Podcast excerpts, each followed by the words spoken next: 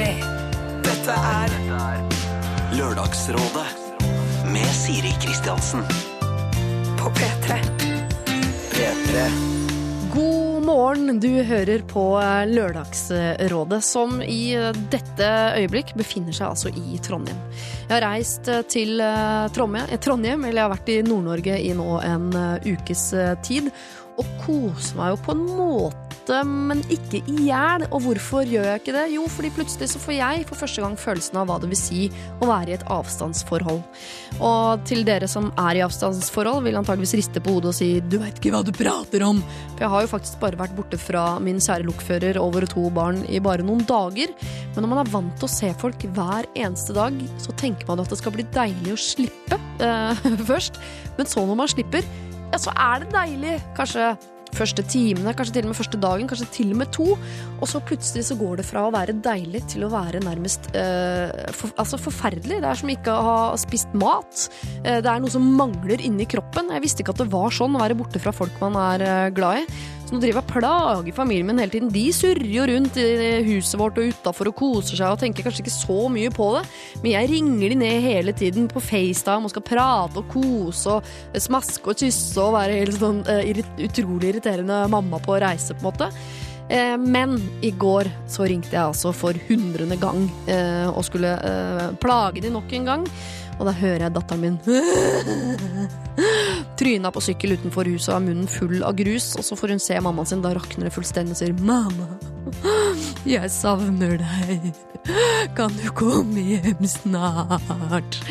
Og da, Jeg blir jo uh, veldig veldig lei meg på hennes vegne, men samtidig så merker jeg at jeg blir så utrolig glad over at noen savner meg like mye som jeg savner de. Så at jeg sitter her i Trondheim Jeg koser meg veldig, og jeg gleder meg veldig til i dag.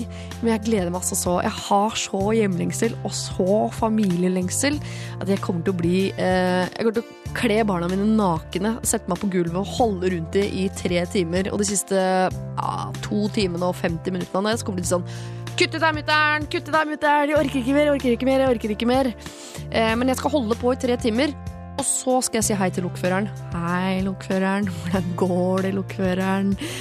Og så skal jeg puste, og så skal jeg spise, og så er ting sånn som det skal være igjen. Eh, men jeg holder ut, altså. Jeg, eh, gleder meg til dagens lørdagsråd. Jeg gleder meg til å gi deg gode råd fram til klokka tolv. Jeg gleder meg til å gjøre det sammen med en legende. Altså Tore Strømøy, Tore på sporet, er her i dag og skal gi deg gode råd fram til klokka tolv. Og det gleder jeg meg helt sånn ekstremt til. Det er en mann jeg er oppvokst med og ser på TV, og nå skal han sitte ved siden av meg i tre timer og gi deg gode råd.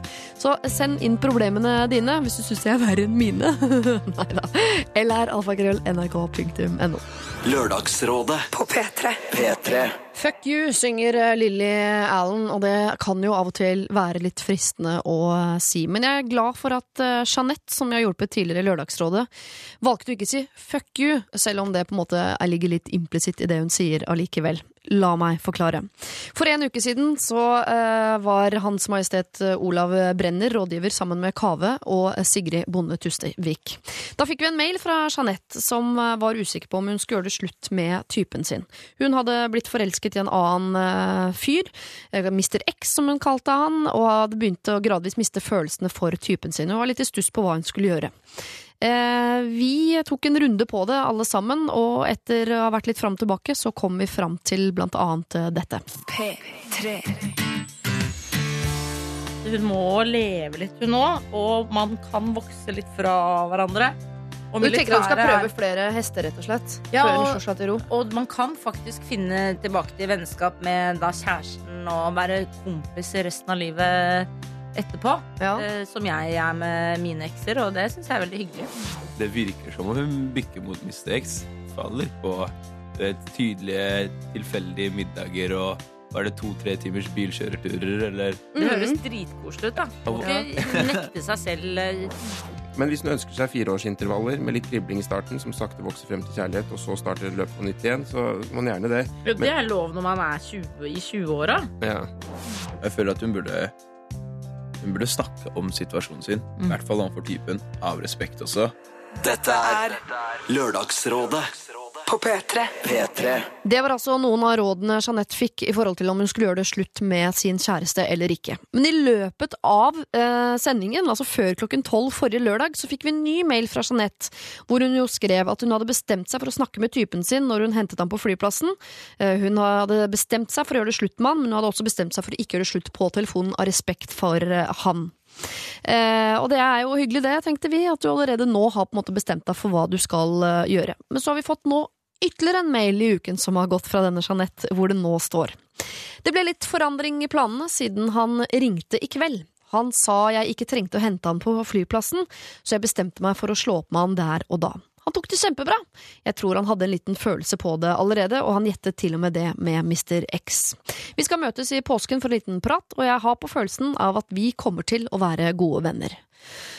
Altså, det blei dumping, men det ble ikke face to face, det ble rett og slett en dumping per telefon. Det er jo ikke den beste løsningen, men her fungerte den, og hun har til og med på følelsen at de kommer til å være venner i tiden som kommer, og det er jo veldig, veldig bra.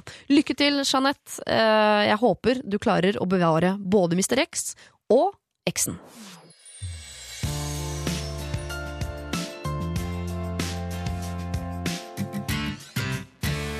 Vi har hørt Dance Off med Macclemore sammen med Ryan Lewis og Idris Elba, en av mine favorittskuespillere, faktisk, og før det Adele When We Were Young. Og apropos skuespillere, så har vi eh, fått med oss en skuespiller i dagens Lørdagsråd. Hei, Silje Storstein. Hei, hei. Hei, Har du det bra? Du, jeg har det veldig fint. Ja. Og så har vi jo med oss to andre også som ikke er skuespillere, men eh, programledere. En på eh, fortrinnsvis radio. God morgen, Niklas Baarli. God morgen, Siri Siri Knutsen Kristiansen. Jeg kan ikke skrive det på en lapp for deg. Det kan være greit å ha. Ja.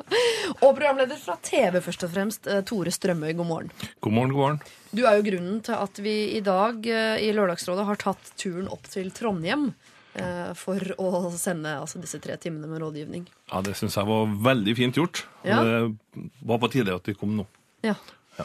Men hva gjør dere i Trondheim? Jeg vil ha en liten runde på det. Jeg veit jo hva du gjør her, eh, Tore Strømøy. Du er vel fra Trondheim, eller? Nei, jeg er ikke fra Trondheim, men eh, jeg er fra ei øy som heter Frøya, som ligger eh, ja, ut, ut mot havet. da. Hvis du setter en båt og kjører rett ut mot havet, og den siste øya, der kommer jeg fra. Eh, Det går an å kjøre dit nå, for vi har fått undersjøiske tunneler, så det, det tar to timer og et kvarter, så er det utover.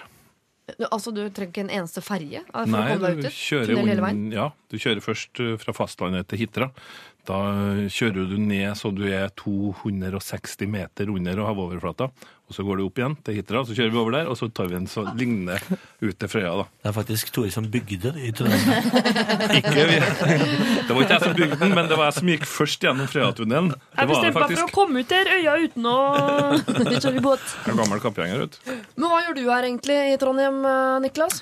Jeg er eh, tvangsflyttet eh, i kringkastingens tjeneste til distriktet eh, og sender radio herfra daglig. Tvangsflytta. Vi har gitt deg oppholdstillatelse. Ja. Kall det hva du vil. Du er heldig. Frivillig er du i hvert fall ikke. Men du er midlertidig trønder, da, på en måte? Midlertidig trønder nå på er det sjette året, tror jeg. Ja. Ja da. Men du trives? Ja, ja. Ålreit by. Merker du at du blir, har blitt annerledes som menneske? Med rund i kantene, Jeg har blitt veldig god til å gå med allværsjakke, eh, for eksempel. Og sekk. Eh, og, og sekk. Ja. Etter dere uttalelsene der, så tror jeg du skal trekke hetta godt over hodet når du går i byen. Men du da, Silje, hva er det du gjør her i Trondheim? For du er vel bare inne på en snarvisitt? Du, nei, jeg, jeg jobber for tiden på, den, på Trøndelag Teater. Ja. Hvor jeg er med i, skal være med, jobbe med to forskjellige forestillinger. Vår og Hedda Gabler. Skal du være sjølveste Hedda, eller? Jeg skal ikke det. Jeg skal ikke det. Men en fin rolle, det har andre også. Thea Elvested, som alle Ja. har hørt om. Jeg vet ikke om noen andre enn Hedda i Hedda Gabler. Nei, det er det ingen som gjør. Thea er faktisk den beste rollen, syns jeg. da. Ikke sant? Ja. Takk. Takk. Finner du på, eller eh, kan Ja, men det var godt påfunnet. Ja, ja, okay. Men du hadde jo premiere på film i går også, Silje, som fikk terningkast fem her i Filmpolitiet i går. Gratulerer. Jo, tusen, tusen takk. Det er veldig stas. Hva heter filmen, og hvem spiller du?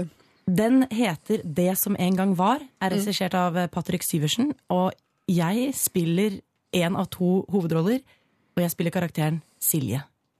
Åh, Er det litt pop i filmbransjen nå? At man får ha sine egne navn eh, på lerretet? Vi var nesten, vi var, vi var litt late, vi, rett og slett. Ja, okay. Ja. Ja, vi var med å skrive manuset, og når det nærmet seg opptak, så var det vanskelig å finne på nye navn. Så da ble det våre egne. Det er så mye annet å huske på. ja. Er hyggelig at eh, Patrick Syversen holder på med greia. Han er jo tidligere rådgiver her i Lørdagsrådet. Så fint at det går bra med barna våre. At de utvikler seg og blir regissører. og det hele tatt. Jeg blir veldig stolt. Dere, Vi skal ta en runde på noen elementer som vi alltid tar en runde på sånn innledningsvis i Lørdagsrådet. Eh, Det er eh, sivil status. Det må alle gjennom. Eh, Så det må dere svare på. Eh, I tillegg i dag så vil jeg at dere skal si noe om hvilket livssyn dere har, eh, hvilken hobby dere har, og om dere har et forbilde. Eh, Du kan jo begynne, Silje. Øh, jeg er uh, singel. Mm. Mm. Uh, livssyn eh, Hva kaller man det når man ikke helt vet? Agnostiker?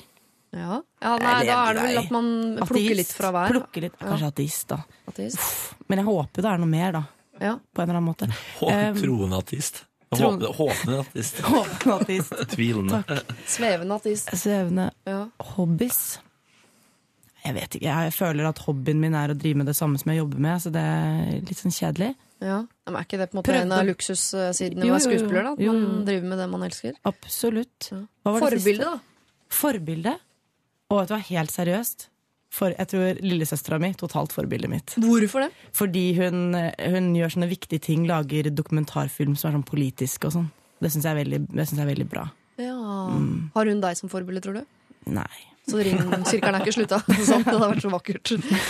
Ok, Hva med deg da, Niklas? Ja. Mm. Ble du nå? Hvor starta vi? Sivil status, Sivil livssyn, hobby, forbilde. Du, jeg er i avstandsforhold eh, på fjerde året. Ja. Og nå ble jeg usikker på antall år. Beklager, eh, fj- Fjerde år. Ja. Ja, eh, eller altså Vi har vært sammen i fire år, vi har vært eh, fra hverandre i ett. Eh, så er livssyn ateist. Og så hobby er dataspill blitt nå nylig. Du har begynt med dataspill Ja, jeg ble gått tilbake til å være 19 år igjen. Når han flytta, så bare rakna det fullstendig. Så jeg, hadde, jeg fant at jeg hadde to valg. Enten å begynne å drikke mye eller spille mye. Ja. Da valgte jeg det. Jeg tenkte det kanskje var det lureste. Ja, ok, Hvis det var valgene du hadde, så Ja, er jeg enig i at jeg har ingen det andre hobbyer. Eh, og var det noe mer? Forbilde, da? Forbilde, ja. Uh, da blir det Ikke si en sånn spillfigur. Lara Croft. Liksom. Jeg, er så dårlig på forbilder, så det blir rett og slett eh, bikkja mi, for han har lært meg å slappe av. Ja, det trodde jeg du var god på utgangspunktet utgangspunktet. For å være helt ærlig. du- ja, trodde men ja. Nei, Så fint, da. Da er jeg spent på deg, eh, Tore Strømøy. Sivil status, livssyn, hobby, forbilde. Oi, det var vanskelig. Jeg må se om jeg kommer gjennom det. Sivil status. Jeg er jo egentlig På sånn skjema så står det skilt, da. Ja. Men jeg har jo vært sammen med ei dame i et par år, så jeg vet ikke hva heter det da. Kjæreste. Ja, noe Kjæreste? sånt. Ja, ja. På de dealeren, kan du si. ja, noe sånt. Men du er ikke samboer, altså? Nei, ikke ennå. Det så spennende da, tider for du har foran deg. Ja, ja, ja. ja. Ja. Livssyn. Uh, livssyn. Jeg tror på det å være eh, så snill du klarer. Det, det er jo noen som sier, spør om du er det eller det, men det, det er ikke jeg så opptatt av. Jeg, jeg har som mål å prøve å være så snill jeg klarer. Jeg er ikke alltid jeg klarer, men jeg tror at hvis du gjør så godt du kan, og gjør det med det gode, så får det nå være hvor du havner igjen etterpå. Hvis ikke det er bra nok, så tror jeg at det kan bare bli sendt dit de vil sende meg, for å si det sånn. Sånn Kardemommeby-livssyn, du, da? Ja, litt sånn, ja. ja. Det er fint, det. Um, hobby, ja. Og jeg hadde mye hobby. Er gammel kappgjenger, da. Kappgjenger? Ja, gikk kappgang. Tolv norgesmesterskap. eh, Var på landslaget. Er det sant? Spilte i band har jeg gjort, så jeg har jo gitarer fortsatt. Uh, men hva gjør jeg nå, da, som hobby? Spiller mye musikk. Ja. Jeg har musikk på hele tida på kontoret, og jeg takker for sånn Spotify og sånne ting, for det står og durer hele tida. Ja. Jeg er sikkert den eneste bortpå til oss som har fått kjeft fra barne- og ungdomsredaksjonen Newton for å ha spilt for høy musikk. det skal du ta med deg. Ja, det skal den- du ta med deg. Den er jeg stolt av. Men da er jeg spent på ditt forbilde, om det er da innen kappgang eller musikk, eller eh, om det er en Ja. gammel gitarist, eller hva det er. Det er Bruce Springsteen. Ja. Og er og har alltid vært. Og det er ikke bare fordi at han spiller bra musikk. Jeg oppdaga jo Bruce Springsteen lenge før han var stor i, i Norge. Og jeg var på den første konserten i Drammenshallen i 1981, tror jeg det var. Men, men det handler om kommunikasjon. Eh, hvordan han snakker til folk, hvordan han får kontakt. Eh, vi holder jo på med kommunikasjon, og, og hvis du står på en Bruce Springsteen-konsert, du kan stå 200 meter unna, men du, jeg tok meg i å stå på Valle Hovin, og når han stilte et spørsmål, så står jeg og svarer ja, det er meg. Oi. Så, det, så den kommunikasjonen han har, er helt fantastisk, den evnen der. Eh, litt misunnelig på det, men eh, Så han får til det barne-TV får til med små barn? At det, man tror Ja. snakket direkte til? Han, jeg tror han får til eh, å snakke med de fleste. Nei, men Så fint, da vet vi hvem vi er. Dette er P3. Ask Embla var det med uh, Father's eh, Eyes. Det er jo uh, hun Ina Wroldsen, dette fra Idol. Ja, Fra det forrige prosjektet hun hadde, før hun gikk solo. Jeg vet ikke hvem hun hadde med seg dette Ask Embla-bandet sitt, ja, men Var det hun og én mann? var det en mann nå? Ja, var det ikke det, da? Nei, jeg ikke... Jeg tror det er en musiker og hun, altså. Den mest kjente Embla er vel hun som trekker tallene i Lotto, eller får deg når du Ja, i den datamaskinen. Ja, den datamaskinen. Embla trekker. Og Er gjør det det til det millionær. maskinen i Lotto heter? Jeg tror det er den, den der som trekker på jokeren. Ja. Ja. Det er Dere, eh, dere er rådgivere her i dag, Lørdagsrådet. Eh, Niklas eh, Baarli, Tore Strømøy og Silje Storstein. Og nå skal vi eh, altså ta tak i morgenens første problem, som kommer fra en bekymret venn. Hei, jeg trenger råd om hvordan jeg skal gå fram for å fortelle at kjæresten til en god venninne av meg har flørtet og spurt andre jenter konkret om å få ligge med dem. Jenta som jeg velger å kalle Mia, er en god venn av meg, og vi har kjent hverandre i mange år. Vi har en god tone, vi har det alltid gøy sammen, og vi snakker om absolutt alt. Hun er nå sammen en eldre gutt som vi omgås en del med, men jeg har egentlig aldri likt han, fordi jeg føler at han bare bruker Mia. Så kan jeg fortelle dere det at de er, alle disse her og flere er i et felles eh, miljø som gjør at de er eh, knyttet sammen og bruker mye tid sammen. Eh, Dette paret, Mia og denne gutten, de har vært litt sånn on and off de siste to eh, årene. Og nå har da denne bekymrede eh, vennen fått vite via felles bekjente at han tekster andre jenter, hvor han har spurt om de vil overnatte, om de vil ligge med han, og dette også da i leiligheten til kjæresten Mia. Han sier til jenter han møter at han er singel. Han prater masse dritt om kjæresten sin Mia til andre. Men nå eh, snakker altså denne kjæresten og Mia om å flytte sammen. Jeg vet at det ikke kommer til å funke, siden de både krangler og er ekstremt uenige. Jeg vet ikke hvordan Mia vil reagere, om jeg, eh, og om jeg fortsatt vil være venn med begge to når vi nå er i samme miljø. Jeg vet ikke hvordan jeg skal gå fram, spesielt nå når jeg har nettopp funnet ut at han i helgen spurte enda en jente som han lå med i sommer, om hun også ville ligge med han i påsken. Så hva skal jeg gjøre med dette? Hilsen bekymret venn. Eh, høres dette ut som en bra kjæreste, tenker du, Niklas? Nei, absolutt ikke. Fordi jeg, de har definert at de er kjærester nå. For du sa on-off. On nå er de on. nå er de on. Ok, ja, Det høres jo ikke ut som en, eh, en god kjæreste hvis man tar utgangspunkt i at de ikke har en ordning seg imellom. da. At han får lov til å ligge med disse folka. Ja, det vet vi jo Eh, ikke. Fordi jeg skjønner at det er, blir mer og mer populært for tiden. Men eh, jeg, jeg hadde ikke satt han i kategorien god kjæreste, nei. Nei. Styrete opplegg. Er dette en, eh, noe du ser etter i en mann, Silje? Sånn. Å nei, jeg syns han hørtes ut som en stor gjøk. Eh, men, eh, ja, men altså Han høres jo helt forferdelig ut, og hvis de er gode venninner Nei, da må hun jo ta tak. Ja, det er en mann som sender inn. En mann som, sender, og det er Ja. vennen, hvem er det han er venn med? Han er venn av Mia. Han er venn av Mia. Ja. Oh, sier du det? Men allikevel. Hvorfor, hvorfor tenkte alle dere at det var Tenkte du også at det var jente, Tore? Fordi det, det var bekymret og så videre, eller? Ja, jeg var jo imponert over at det, at det var en gutt som tenkte sånn, men eh, det gjør jo saken enda mer interessant. Ja. Ja. Jøss. Ja, det, ja, det, jeg Så utrolig fordomsfulle vi var. Ja, så... det er Forferdelig gjeng dere er, egentlig. Men, her, ja, men nå kommer plutselig the bro code og sånn inn i spill. Ja, man er først og fremst venn med denne Mia, og ikke denne uh, typen hennes. Uh, han er eldre, og han har egentlig aldri tålt trynet på fyren. Det her er jo en kjent, kjent greie, da, i hvert fall blant gutta, at man eh, har en som man egentlig ikke vil ha, men man eh, har greit å ha så lenge til du finner den nesten. Så det virker jo som det er en sånn klassisk sånn greie det her, da, at han, han har Mia eh, gående på gress, eh, og så prøver han seg på andre, og inntil han finner noen da, som han liker bedre, så holder han på henne. Så eh, Han skal flytte sammen med henne. Er jo, da er du jo i ferd med å la gresset gro vel høyt. da. jeg vil jo se at han gjør det. Det er mange som sier at de skal flytte sammen. Vi skal dit, vi skal dit, men gi det bare litt tid, vet du, så får vi se. Ja.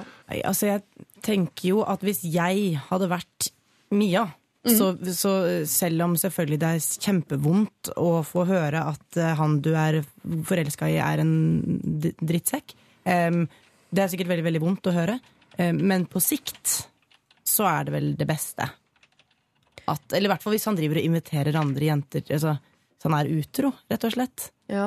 Så Men tenker tenker du at det er best at hun får høre det fra kompisen sin, eller bør kompisen drive lobbyvirksomhet sånn at hun faktisk får høre det fra kjæresten sin? Ja, Det kan jo hende at han, han kanskje skulle tatt en prat med han kjæresten da, og fått han til å ta noen grep, men jeg vet Ja. ikke. Nei, Her kan man jo bruke litt sånn pressmidler også. Jeg har gjort det sjøl før. Jeg har gått rett på gutten og sagt du har 24 timer på deg nå til å komme clean overfor dama, eller så gjør jeg det. Oi, det er knallhardt. Det er knallhardt, men det er jo ekstremt effektivt. da, Vi lever i en verden som eh, oppfant rundkjøringa. Vi er nødt til å være effektive. Jeg, har- jeg ser en, eh, sånn, en eh, mulig åpning her. Fordi det er jo forferdelig å gå til venninna og si sånn typen din ligger rundt med andre mens mennesker. Mm. Men typen din vil også snakke dritt uh, om henne bak ryggen hennes. Det kan starte der, over noen glass vin, og når liksom flaska er tom, så kan du begynne å si sånn Ja, så lå han for øvrig med Veronica i forrige helg. Boom. Åh, altså Han skal Så- smyge det inn og så slippe bomba på slutten? Ja. Fordi- Hvorfor tenker du at det er en god taktikk? Fordi da kan, det, virker så knallhardt å gå rett på utroskap. Sånn, kan vi møtes på en kaffe? Ja, forresten, typen er utro. Kan heller begynne sånn Jeg hørte at han sa han var ikke noe snill mot deg, og han sa stygge ting. Eh, Mm. Og forresten så går det noen rykter om For han har jo ikke han, han fyren som skal si ifra, har garantert ikke fått meldinger fra den fyren sjøl. Så det jo, han baserer seg på rykter her. Ja, men han det skal eh, også sies at han har snakket med jenter direkte som har fått spørsmål fra denne fyren eh, om de vil ligge med han. Det er fortsatt ikke eh, Så det er førstehånds. førstehånds... Ja, eller er det førstehånds? Ja, det er førstehånds. Ok, ja. Er det ikke det, da? ja det er annenhånds for meg. Men, Ja, eh, Det er nærme nok, som jo er. Men, det, men det, er jo et, det vil jo bli et problem uansett. her, fordi at det, det er jo ofte at det er godt meint at du vil fortelle noen at det er sånn og sånn.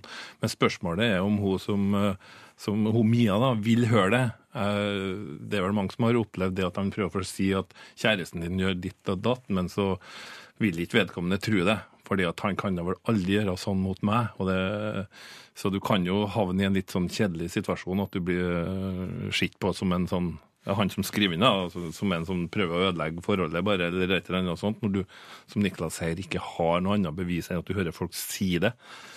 Nei, Det er helt sant, for, så det kan godt hende at innsender her blir sittende igjen med uh, virkelig med skjegget i postkassa altså, Ja. og eh, har mistet venninnen sin og ikke klart å oppnå noe som helst med dette her. Og han som bare vil være øh, sint, men ellers så tror jeg jeg er helt enig med, med vår skuespiller om at her blir det elendighet uansett, så, så kanskje jeg ville bare holdt igjen øynene og, og, og sagt, sagt det som det er. Jeg prøvde å sagt det på en måte at det kanskje er ikke noe for deg. Eh, Fordi at det er bedre å få den der smellen da med en gang, istedenfor at det her skal gå videre. For, for det vil jo smelle før eller senere likevel. Det virker jo som en fyr som absolutt ikke har tenkt å tilbringe livet sammen med Amia. Han Mm. eh, prøver jo å trø vannet og si ja til alt han inntil han får hvis, hvis han da ikke har tenkt å bare ha alle andre på si. Det vil Altså, jo du ikke gå. at du skal bare la dette forholdet her eh, gå sin gang, for det kommer til å gå lukt og til helvete Nei, jeg likevel, og da skal han stå klar for å trøste, da? Eller? Jeg tror jeg ville ha sagt det. Sagt, ja. Ja, sagt ifra. Ja, da misforsto jeg. jeg, jeg ser flere åpninger her. Du er god på å se åpninger, Ja, du. ja, åpenbart. Eh, Jeg tenker sånn, eh, Siden han eh, kjenner jo disse damene som får meldinger. Ja. Eh, Og meldinger kan man jo ta bilde av. Altså screenshots.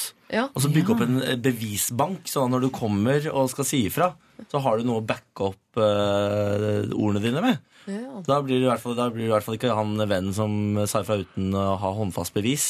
Som bare sa ifra på rykter. CSI Men- Trøndelag våkna her. Men i, i dag som vi har så mye tekniske eh, duppeditter, det må jo gå an at han her snakker med en av damene som virkelig han her fristes av. Gjør et opptak, og når han begynner å snakke Du er på opptak, ja? Ja, vi kan gjøre opptak. Der han legger ut og vil ha med seg, og så spiller hun det. Så Ja, da kommer du ikke utenom i hvert fall. PN-spill er også veldig effektivt. Men skal vi fortsatt følge den derre eh, eh, smyge det inn, si noe om at det går noen rykter, så drikke litt vin, så si han ligger med folk, og så klinke til med bildemateriale på slutten der, eller er det, er det Ja, for oppbygninga vi da kan man for? si sånn eh, for Hvis hun da begynner å krangle idet du har begynt å smyge litt eh, og sier sånn eh, ja, Han sender meldinger og sånn, og så begynner hun å tvile. Hvis hun Mm, gjør det, ja. så kan hun si ja, jeg har noen bilder. Jeg var, jeg var ikke sikker på om jeg ville vise det til deg, men siden du nå begynner å tvile, så her kan du lese meldingene til den skitne typen din. Ok, Da stiller jeg som et kontrollspørsmål før jeg går til konklusjon her. Silje, som eneste søster her i rommet. Hvis dette var deg, ville du fått nyheten slengt i fjeset fra en kompis, eller ville du eh, fått det via en venninne, eller eh, ville du fått det av typen? Jeg ville, fått det, jeg ville fått det heller slengt i trynet av en god kompis enn at jeg fikk vite det når vi først har flytta inn, og alle rundt meg vet at han driver og tekster. Alle ser på meg med sånn 'Å, stakkars hun der'. Nå, det er kjæresten til han er duden som Ja, Ja. og så videre. Da høres det ut som om vi har kommet til en enighet her, altså. Kjære deg, du er nødt til å fortelle dette her til Mia. De må på ikke noe som helst tidspunkt flytte sammen, disse to. Det kan være lurt at du eh, får tak i noen slags form for bevismateriale. For det er veldig typisk at man går i forsvar, man vil ikke se at typen er en annen enn den man tror han er, osv. Så, videre. så hun kan nok snu seg mot deg. Det er da du skal dra opp eh, mobilen og flashe bevismaterialet som du har liggende der, eh, sånn at hun kommer på ditt parti. Og så må du huske at din rolle her er først og fremst å være god venn. Så når hun blir lei seg, så må du stå så ekstremt parat for å trøste.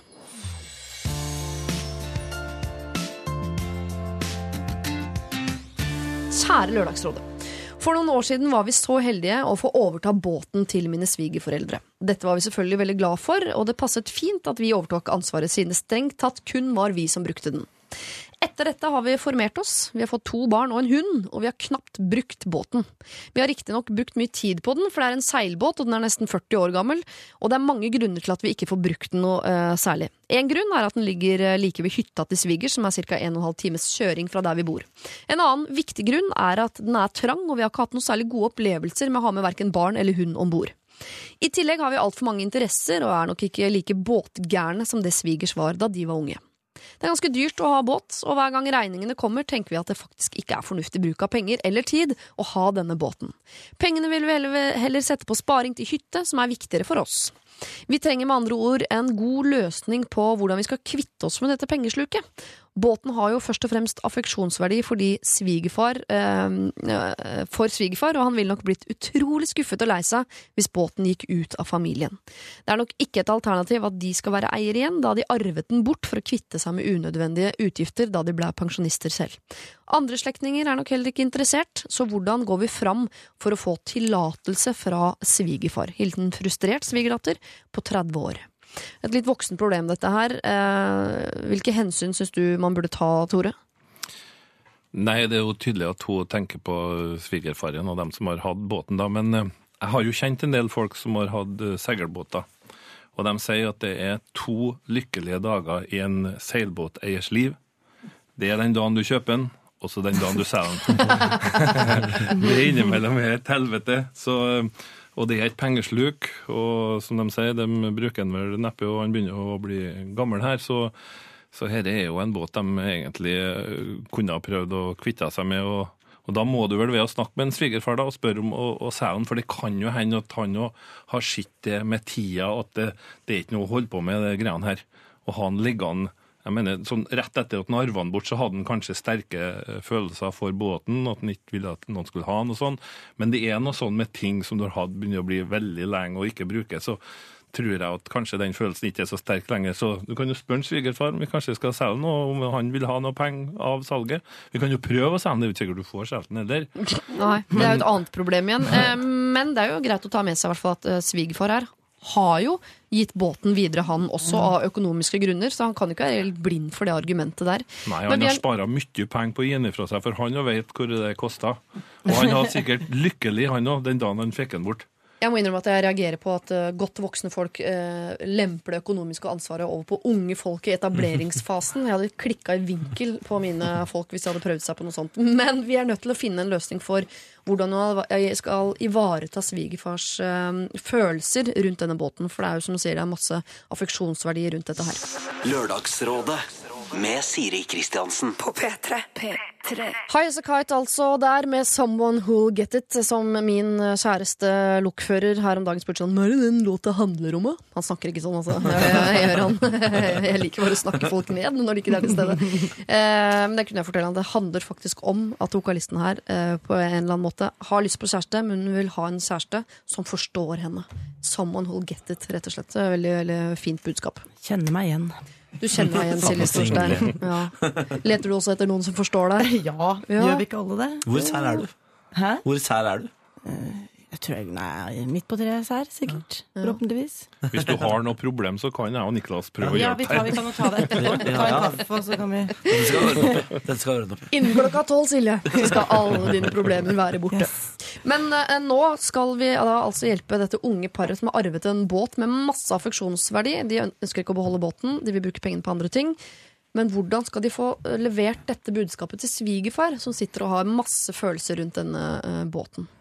Har du opplevd noe lignende sånn svigersproblematikk sjøl, Niklas? Nei, jeg har aldri fått noe jeg Jo, eh, ja, det er ikke sviger, da. Det min, eh, det, jeg arvet en bil av den nye mannen til mor. Som jeg etter hvert måtte kvitte meg med. Som han eh, til den dag i dag fortsatt har. De har nå tre biler, fordi han klarer ikke kvitte seg med den. Men jeg, det jeg gjorde da, var å på en måte bare sende den tilbake. Jeg sa sånn Dette det går ikke for meg, det er altfor dyrt. Du må bare ta den tilbake. Ja. Eh, Så det var måten jeg løste det på. Eh, Anbefaler du det videre her, eller? Hva Seile båten tilbake til Den ligger jo utafor hytta til svigers. Det syns virker veldig rart at Ja, de bare rart. har den. Men Ja. problemet her er jo at svigers har åpenbart ikke råd til å ha den sjøl. Det var jo ikke et problem jeg måtte ta hensyn til. Nei. Men jeg tenker, eh, for å gjøre, gjøre det litt mildere for svigerfar, da, når du sier at denne båten må vi kvitte oss med, for det er helt åpenbart at de må, det, er, det er ikke noe valg å beholde den, så må du ta med svigerfar ut på en siste reis. Ja. Putte den i båten. Og Skyte den. og midt først dumpe den. Eller bare si det litt sånn forsiktig. da Når de sitter ute på fjorden der, så kan de begynne å ta opp sånn Nei, du ser jo den er litt lekk foran der, eller det blir jo veldig dyrt å bytte ut den greiene der. Og, nei, det, det tror jeg ikke. Vi tror faktisk vi må selge den. En annen idé er jo å se at båten begynner å bli såpass uh, shabby at du trenger penger til å reparere den. Og den eneste, du, den eneste som kan hjelpe oss og forstår oss, det er du, svigerfar. Du må være med her. Det, det koster 80 000-90 000 å, å få sette den i stand her. Men en annen mulighet kan du si da, i samme vase er jo at vi kan jo selge den.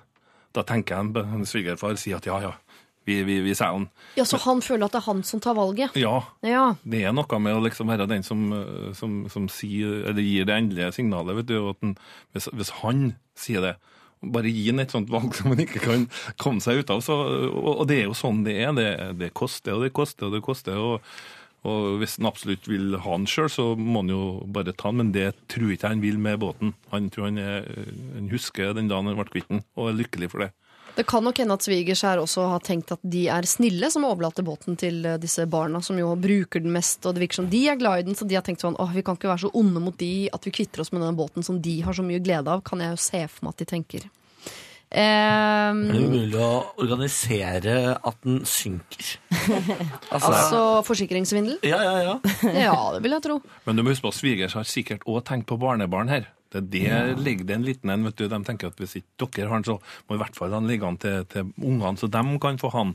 Ja. Men, men de svigerforeldrene må jo også ha fått med seg at de ikke bruker denne båten så veldig mye. Hvis de, den ligger utafor hytta deres og de aldri er der, så må de vel Ja, men når du er bare 30, 30 år, vet du, så har du små unger ennå, og de kan jo bli båtinteressert. Ja. Du vet jo like en som en svigerfar. Ja, Seiler de sju hav. Så det skal ligge og koste penger i 18 år. Ja. Råtne på fot. Ja, men jeg tror også en, en siste ting som kan være lurt å skyte inn her, er at uh, uansett hvordan dette budskapet leveres, så kan det være greit at det er sønnen som gjør det, og ikke svigerdatter. Ja. Absolutt. At det, at for da kommer hun inn som den onde svigerdattera fra sida der, som er den som kvitter seg med alt som har hatt eh, verdi i deres familie gjennom generasjoner osv. Det tror jeg ikke er noe lurt. Til svigersønnen så ville jeg ha sagt det at legg inn et sånt at ja, men hun Anna vil jo gjerne beholde og vet hvor mye det her betyr for deg, men eh, noen må skjære gjennom. Noen er mann og må si det til jeg, far, at vi, vi må det til tross for at hun og alle de andre vil beholde den. Da, da blir jo helt inne samtidig, vet du. Jeg tror her eh, Vi legger masse følelser i det. Sier at det er av hensyn til båten osv. Stakkars yep. båten får ikke den pleien den trenger osv. Vi er ikke Ja. de rette foreldre til denne båten. Legg på masse masse følelser.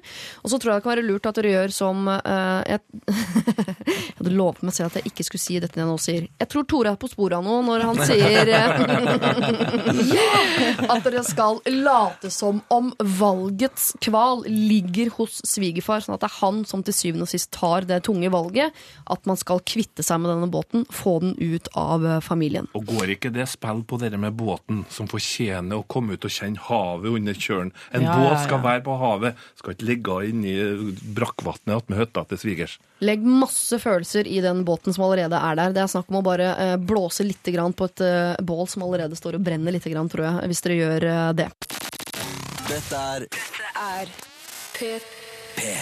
Vi skal eh, hjelpe en som heter eh, Anita. Hun er 20 år, går siste året på videregående. eh, og hun skriver Det er en gruppe med jenter jeg er litt sammen med på skolen. Men helt siden jeg begynte å være sammen med dem, har jeg hatt en sterk følelse av at en av jentene misliker meg. Denne jenta hun svarer nesten aldri når eh, hun blir spurt om ting. Hun smiler ikke, hun snur seg vekk, prøver å ekskludere henne fra gruppesamtaler. Og hun har faktisk ikke godkjent friend request heller på Facebook. Og det er litt rart man er i samme vennegjeng. Selv har hun noen teorier på hva det kan være for eh, Anita her. Hun er veldig aktiv i timene på skolen, hun får gode karakterer osv. Så, videre, så hun er redd for at eh, denne jenta tenker at hun er nerd og ikke vil ha noe med henne å gjøre. Og så er hun også av typen som sier ifra når noe er urettferdig. Det er jo for eh, de mest konfliktsky av oss eh, vanskelige mennesker å være rundt. Uansett hva det er, hun liker meg altså ikke, og jeg syns det er veldig synd, for jeg føler at dette hindrer meg fra å bli bedre kjent med de andre jentene, som er veldig hyggelige. Jeg har ikke særlig med venner fra før, og denne gruppa med jenter er den eneste jeg føler kunne passe inn eh, sammen med meg på skolen. Burde jeg konfrontere denne jenta som ikke liker meg, eller bare godta at jeg vil, aldri vil komme innpå henne, og kanskje ikke de andre heller? Eller har dere noen andre gode råd? Kall meg Anita. Har du noen egne teorier, Silje, om hvorfor den jenta her oppfører seg altså så dårlig mot Anita? Nei, det høres jo veldig øh, merkelig ut. Men jeg tenker at ofte hvis man oppfører seg øh, dårlig mot folk Jeg tenker Hvis hun, hun sier at hun snakker høyt i timen, hun tar plass, hun er At kanskje det kan være at øh, denne jenta, som vi ikke skal kalle Anita, men vi kan kalle henne noe annet, hun slemme, em, at hun eh, kanskje er litt sånn sjalu eller misunnelig, eller det er noe ved Anita som hun ikke selv Kanskje ja, noen sider ved seg selv hun ikke liker, som blir veldig tydelige når Anita tar den plassen hun gjør, eller jeg vet Ja. ikke. Det kan jo være noe sånt. Ja, Det kan jo være at hun ikke liker Anita. Det må jo på en måte være lov. Men får man da gjort noe med det? Tror du Anita har noen sjanse til å få henne til å se annerledes på det? Det er vanskelig å si, og det er jo, dette er jo videregående. Det er noe vanskelig, i hvert fall for oss som sitter og ser på Skam, så skjønner man hvor vanskelig de greiene der kan være. Å, gøy òg, da. Gøy òg. Nei, men det er vel Jo, man må jo kunne gjøre noe. Jo, det tror jeg òg. Jeg tror kanskje den eneste sjansen er å få lokka den slemme ut av flokken. og At Anita og hun kan være sammen, og så at hun andre får se hvem hun egentlig er. For jeg- jeg trodde du mente at du skulle få den jenta ut av gjengen. Nei, ikke i utgangspunktet, men at de, at de kan bli litt bedre kjent, fordi at det, det høres jo ut som, som, eh, som uh, Silje sier, at, eh, at det handler om litt sånn misunnelse. Det gjør ofte det med, med jenter. Vel, Ja. Veldig ofte misunnelig. og jeg har jo oppdratt tre jenter sjøl til å bli veldig misunnelig, skal jeg til å si. Nei, jeg har ikke det. men, men jeg kjenner igjen fakten eh, blant uh, jentene, så, så, så det der er ofte et problem. Og, og hvis noen er flink, så blir du fort tatt. Da skal de ta deg ned. Og det, det, og, og det er ofte såkalte venninner. Din beste venninne som du oppdager når du lykkes med noe. Plutselig eh, kjenner du at de er ikke akkurat står ikke og klapper for deg eller tar rundt deg og er glad for det. Så hvis du finner noen sånne som gjør det, Ja. da skal du holde på dem. Men jeg tror kanskje at eh, når det gjelder seer, så, så hvis Anita kunne ha lokka andre med på en kino eller en kveld, eller noe sånt, så at de kunne ha snakka litt sammen, og to andre blir litt kjent med, så kanskje hun ikke er så redd, og kanskje ikke er så slem. Det kan hende at eh, en del av løsningen kan være at de to får litt tid sammen. For det er jo ofte som du sier, at når det er noen som er ukjent, så er det skummelt, eh, og så misliker man det. Fordi det er nemlig en liten lunte jeg syns jeg lukter her. Eh, Og det er jo at jeg oppfatter Anita som siste tilskudd i gjengen. Og det er det noen, hvis det er noen som er sånn beskyttende overfor flokken, så kan det være en ekstrem trussel for enkelte. Og det tror jeg er denne trusselen, denne eh, slemme jenta, som vi kaller henne, Uff, stakkars, hun er sikkert bare på. usikker. Ja. Siste tilskudd i gjengen som er, som er masse, det er jo veldig vanskelig å ha med å gjøre. Ja. Eh, Så her må man gå, eh, ta hardt mot hardt. altså Man gå konfrontasjon. Jeg har ikke noe tro på sånn gå på kino sammen, liksom, fordi den der jenta som er eh, slem eller usikker, da, Ja. hun kommer ikke til å ville dra på kino. og Det kommer til å bli en rar eh, situasjon og stemning på den kinoen. Så det du må gjøre, er bare å ta tak i den du si sånn Hva er det? Nå hva, må du fortelle hva er det for noe. Du har ikke godtatt meg på Facebook. Det er åpenbart at du er ikke fornøyd med at jeg er her. Eh, og det er sikkert bare en liten bagatell. Det pleier ikke ofte å være det. det sånn, at du? Når du snakker nå, så kommer jeg på at jeg har vært i den nesten situasjonen hvor jeg har vært den slemme. Ja. På, nei, på ungdomsskolen. Husker jeg nå. Og da var det, for da var det en ny jente som jeg Og jeg husker, jeg var, håper jo at jeg ikke var slem, da, men jeg tror jeg var litt sånn usikker på henne. Så derfor så klarte jeg ikke helt å Så husker jeg hun kom bort til meg et friminutt og sa kan vi snakke sammen. Og så tok vi en sånn prat. Og det var, synes jeg, jeg fikk så respekt for henne. Jeg syns hun bare var ekstremt uh, tøff og kul. Men men hvis hun hadde kommet til deg og sagt sånn, skal vi gå på kino sammen?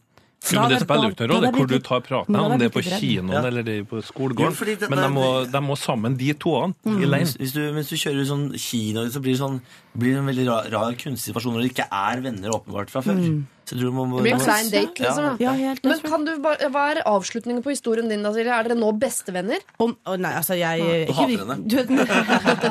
men, det som skjedde, var at vi fikk jo en helt eh, Vi hadde jo en helt eh, kul tone og kunne være sammen og være venner. For da hadde vi liksom tatt hull på den bobla. Hvor det var litt en usikkerhet, ikke sant. Ja. Så det, jeg tror, Og hun og jeg fikk så ut, ja, igjen, veldig respekt for henne. Så jeg tror Anita kommer til å sette seg i respekt hvis hun tar det opp på en ordentlig måte. Vet du hva, Da går vi for din historie.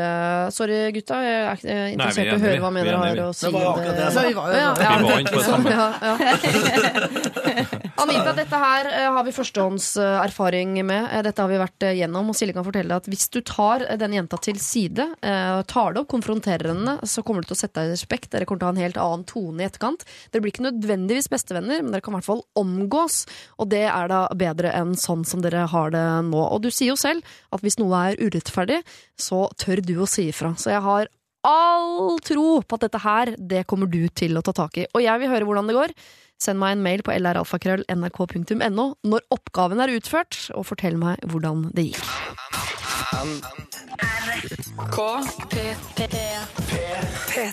Vi skal ta tak i et eh, problem der jeg vil anta at dere har noen fordommer. Og vanligvis når man sitter på radio, så prøver man å være profesjonelt menneske og ikke være åpen og ærlig om sine eh, fordommer.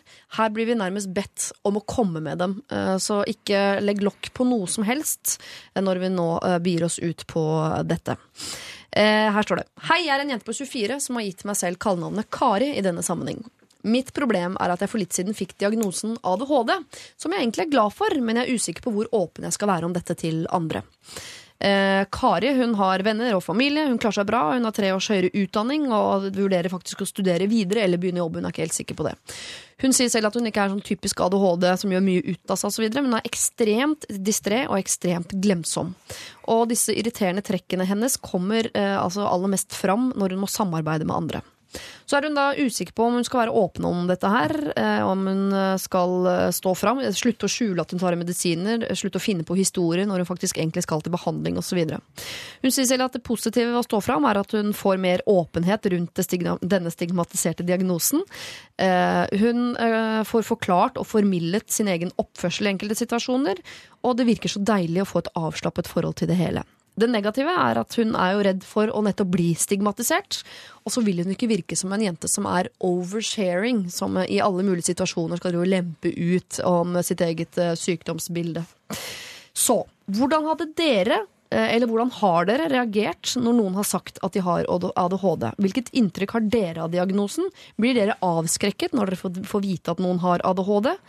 Om jeg skal være åpen om dette, på hvilke arenaer skal jeg så være åpen? I studiesammenheng, jobbsammenheng og eller i min sosiale sirkel.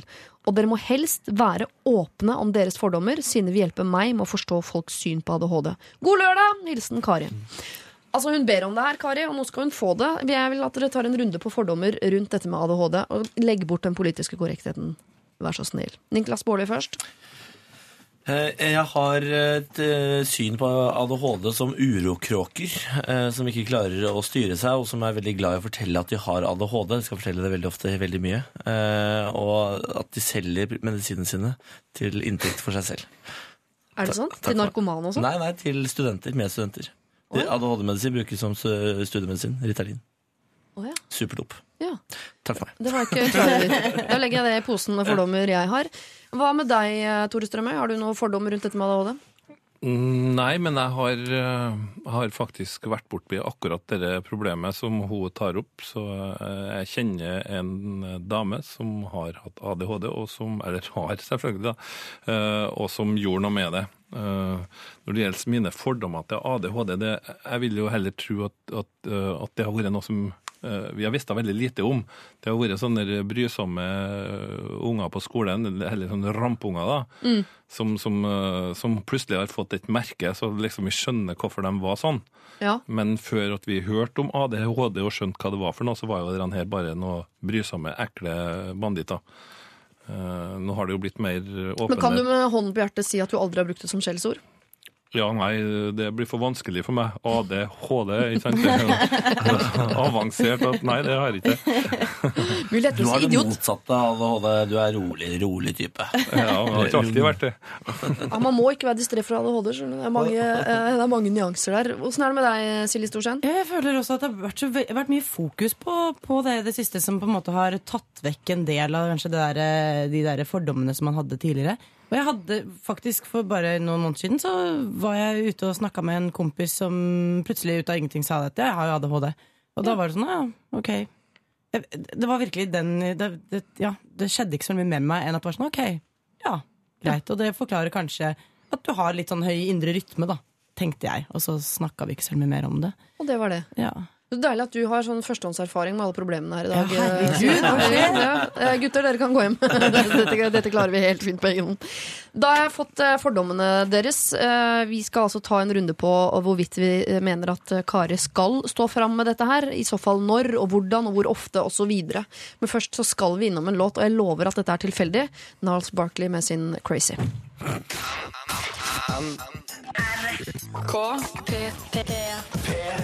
Jeg husker fortsatt jeg, da eh, denne låta ble fremført på Idol-audition for mange mange år siden av han som faktisk vant det året. Jeg skulle ønske jeg husker hva han het. Han kassegitarmannen fra Idol, husker du han? Alejandro Fuentes. Men... Nei, absolutt ikke. Han, han Han voksen, ikke? litt kjedelig type i Ola, bukse og Ola. Oh, og- Kjakan, Nei, ikke. Kjartan Salvesen er heller. han Men noe ja, Bollandsås. Bollandsås. Ja, Hans Bollandsås, han blueskaren. Nei, Nei, nei. ikke han. Før det. Det var året etter uh, Kjartan. Så kom det en sånn Nei, eh, ingenting er mer interessant enn dette. Men det var så rart at jeg Jeg så bare en Kurt Nilsen. Jeg husker ikke hva han heter eller hva han vant med. Jeg husker at han hadde denne her på Idol-audition i 1872, dere! Og det var tider. Det var inntrykk. Ja, det var inntrykk, Det var ikke Norges ultimate entertainer eh, Erik Søfteland? Nei, det var det heller ikke. Han ble som det. Men før da Niles Barkles versjon av denne låta, så uh, fikk vi en liten runde på hva dere har av fordommer mot diagnosen ADHD, fordi Kari ba om det. Hun har diagnosen selv, og er usikker på om hun skal være åpen om denne diagnosen. Det virker det som om uh, du har veldig god erfaring med at folk står fram med sin diagnose, uten at det gjør noe med deg, Silje. Men hva mener dere at Kari skal gjøre? Hun er redd for, og det minner jeg om, hun er redd for å være oversharing. Ja. Og det er en av dine fordommer, Niklas, nemlig at folk som har ADHD skal fortelle det hele tida. Ja, eh, det spørs jo I noen kretser så må det jo fortelles. Eh, jeg synes det er, eh, hvis hun ikke har fortalt det til venner allerede i det i det hun har fått diagnosen, syns jeg det er litt rart. Ja. Fordi da kunne jeg, Hvis jeg hadde fått ADHD, da, eh, så hadde jeg mest sannsynlig ringt min kompis og sagt sånn «Ha, Jeg har funnet ut av hvorfor jeg har vært så eh, sånn og sånn i de situasjonene. Du skulle til å si idiot nå, så turte du ikke, for da hadde du stått fram med noen Jeg hadde tenkt å si spinnvill, men Ja. ok. Og så så sånn, ja, ADHD, og så sa jeg sånn Å ja, selvfølgelig, det er derfor, ja. Og så hadde du vært ferdig med det. Ja. Men så hadde jeg tenkt sånn ja, Jeg er ikke sikkert at jeg hadde sagt det til alle på jobb, for eksempel. Tror jeg ikke. Jeg hadde nok sagt det til redaksjonen de nærmeste jeg jobbet med og sånn. Ja. Men er ikke mye gjort bare ved å si det til noen, da? Altså, Man skal jo ikke alltid tenke at jungeltelegrafen og sladrehanser er eh, dårlige. I noen situasjoner er det jo bra. Så sagt det til noen, så er jobben gjort. Komme ut av skapet sånn, ja. Det er Veldig ålreit. Ja, Er ikke det litt deilig? å Slippe Ja, å si det til alle. Og det er jo litt, eh, litt i tida dere nå å stå fram med både det ene og det andre. Og, og hun som jeg snakka om da tidligere, det var ei jente som eh, Hun skrev en lang greie på Facebook der hun liksom fortalte at hun hadde ADHD. Og, og jeg tror sikkert eh, mange nikka òg, ja. Det var derfor ja, du har vært sånn. Og responsen var fantastisk positiv. Ja. Eh, og vi har jo sett en del andre som har stått fram nå, kjente folk òg, med både det ene og andre. Det var vel han Jon, Jon Øigarden, var ikke det han het? Han skuespilleren. Sto fram med Tourette. Tourette, ja, Tourettes, ja. ikke sant? Modig, syns jeg, men uh, gjør at vi da kan lære litt om det her, og kanskje være uh, litt mer uh, sånn Når vi møter folk uh, med de forskjellige tingene, kan være litt Vi kjenner litt mer, da. Ja. Og vet hvordan vi skal både oppføre oss og, og Tenk så mange millioner mødre som satt og så på Skavlan, og han sto fram med Tourette, som så ned på sønnen sin på seks-sju år og tenkte sånn Er det det han har? Jeg røska litt i Jo, mange foreldrehjerter, det greiene jeg der, tror jeg. tror bare man skal ikke være så redd for å stå fram med, med sånt lenger. Jeg tror det var før i tida det var medført skam og sånn, å å ha både det ene og andre. Det, Og så tenker jeg for henne som menneske også, hvis man går rundt og hele tiden skal kjenne på om ja, liksom skal jeg holde det igjen, skal jeg si det høyt, alle disse tingene der. Jeg tenker at eh, hvis det er viktig for deg og gjør deg til en mer avslappa og ja, rolig person, så er det jo bare Ja, men virkelig, du blir jo kanskje Har du ikke noe godt med deg sjøl hvis du går rundt og hele tiden vurderer hvorvidt du skal si det eller ikke si det? Ja, si det da, hvis du vil, tenker jeg. Men du ville ha stått fram med det selv, eh, Silje? På, øh På, på Facebook? Nei, på? Facebook, for eksempel? Nei, det var oppfølgingsspørsmål. Nei, men jeg tenker at jeg vil Jeg tror det er noe jeg vil Jeg vet, altså Kanskje fordi jeg ikke opplever det som så stigmatiserende i dag, da, men um, så ja, syns jeg man Ja, si fra. Ja. Hvis du Ja.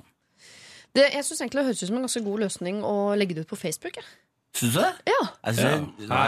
Så har du sagt fra til alle på en gang, så slipper du å være sånn Ok, nå skal jeg på kafé med Knut, han har ikke sagt fra til, la meg ta det først. Neste uke skal jeg på uh, bijobben min, må jeg si det der. Så blir det sånn uh, repeterende Da er det jo istedenfor å ha 100 på en måte eh, situasjoner man må fortelle, så tar du alltid en røsk. Men Silje sier jo at uh, det var en som kom ut til henne i sånn helt normal dagligtale, og hun Mm. reagerte ikke noe på det. Jeg har mer troa på det. Da, og bare sånn øh, I sånne helt vanlige situasjoner. Sånn øh, hvis Fordi hvis du har ADHD, så har du sikkert noen ting som er sånne tells. Noen situasjoner hvor det liksom kommer frem. Ja. Da kan du si sånn Ja, herregud, eh, jeg har jo ADHD, så er det derfor. Ja, men da, jeg, jeg ville tro at det var et Hvis en uh, sa til meg bare sånn over bordet sånn uh, Å, da mista jeg begge pennene. og, «Ah, Nei, sånn er jeg. Jeg har bare ADHD. Så jeg tenkte sånn, men jeg hadde ikke tenkt at hun hadde. Jeg tenkte sånn, Nå brukte du det Nå brukte du det som et slags skjellsord. Sånn er jeg. liksom, Typisk Ah, ja. ADHD-folk. Så jeg tror for at folk skal tro på deg at du har ADHD, så er du nødt til å ta Så må du ta litt sånn eye to eye og fortelle det ordentlig. Men på Facebook da får du jo skrive det du vil, og få svare på alt det du vil. Det er jo kjempefint. Og du ser jo kjendisene, de går jo til VG og Dagbladet eller Se og Hør. Står fram på hele framsida der og forteller om, om tingene sine. Så det er jo ikke verre Så kanskje hun du skal bli kjendis først, og så Facebook er jo, Protokoll. Ja, jeg er enig. Facebook er jo den vanlige manns avis, da. Men lukka gruppe på Facebook, da inviterer inn venner og Nei, nei, kollegaer. og Kjør så... chat der. Kjør det ut.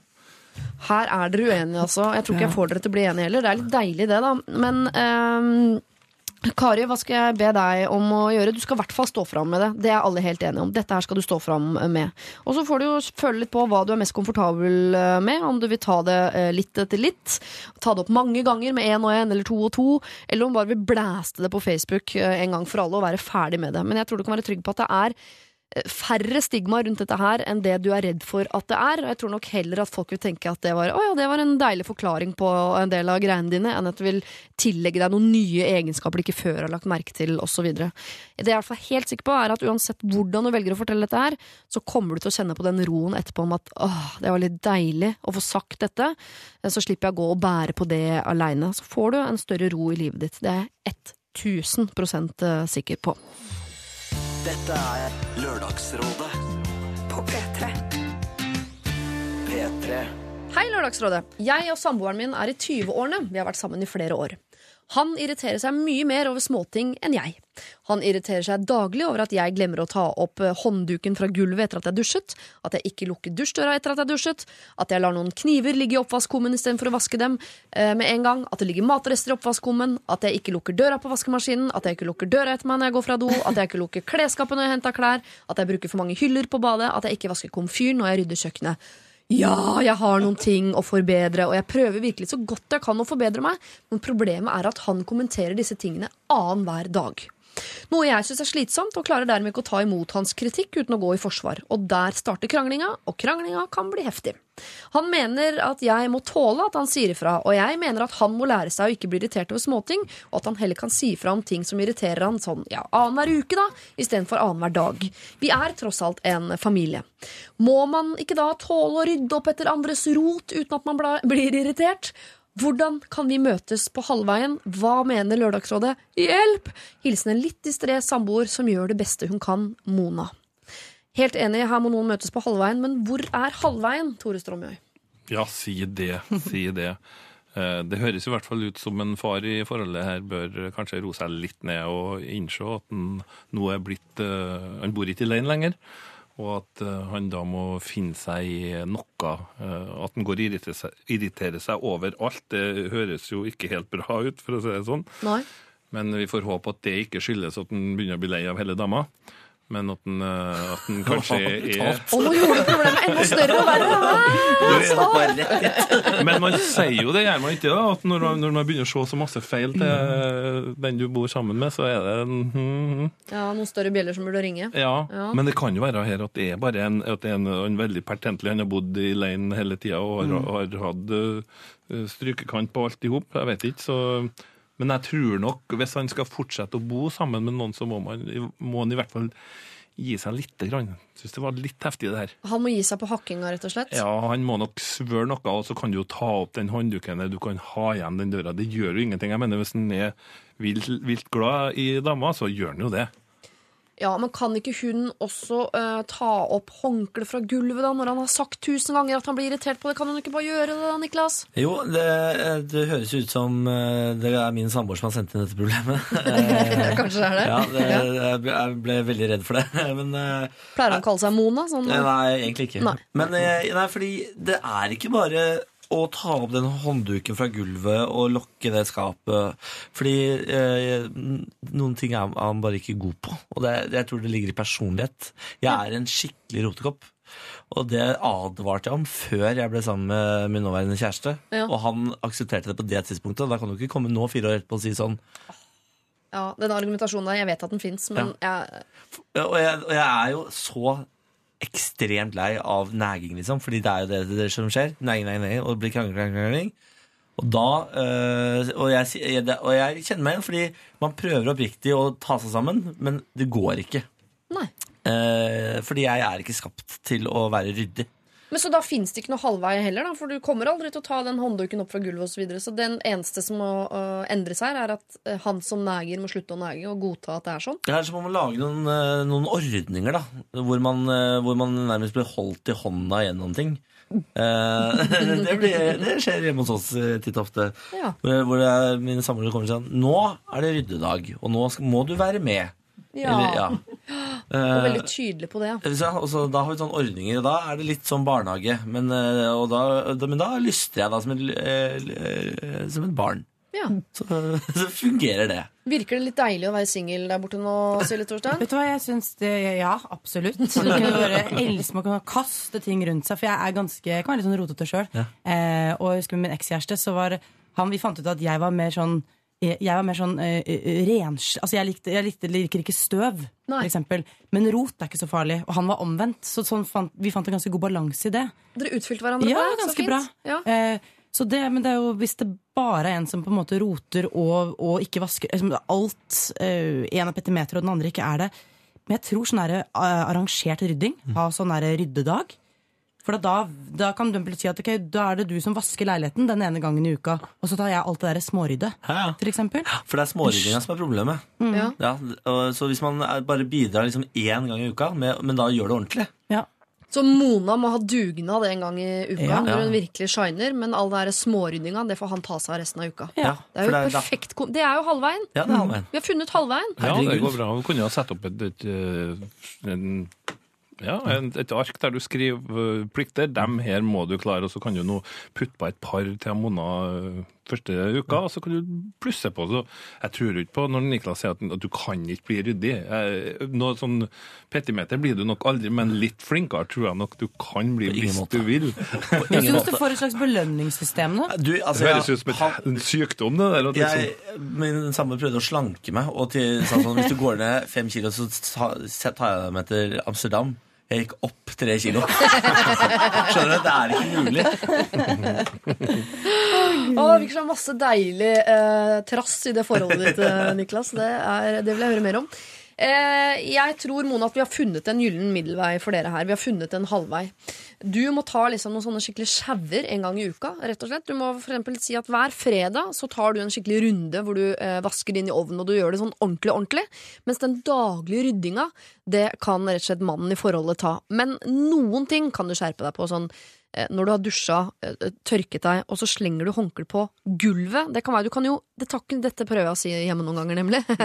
det tar ikke noe lengre tid å slenge håndkleet over badekarkanten enn det tar å slenge det på gulvet. Altså, du har ikke spart Det er tid. automatikk. Altså, ingen, Det er automatikk. Ja, automatikk. Da må du omprogrammere. Da må du inn, eh, skru opp hjernen, bytte om to koblinger, og så må du fikse det der. Fordi akkurat de tingene der, det går det an å gjøre noe med. Men å fordele seg sånn at han tar småryddinga og du tar de store sjauene, det er jeg helt sikker på at dere kan finne en fin eh, løsning på. Eh, Mona. Til Niklas så vil jeg, vil jeg ordne til sånn, sånn eh, spiker på veggen, og så får du ti poeng hvis du klarer å kaste håndduken oppå der, og sånn gjør det litt sånn artig å rydde.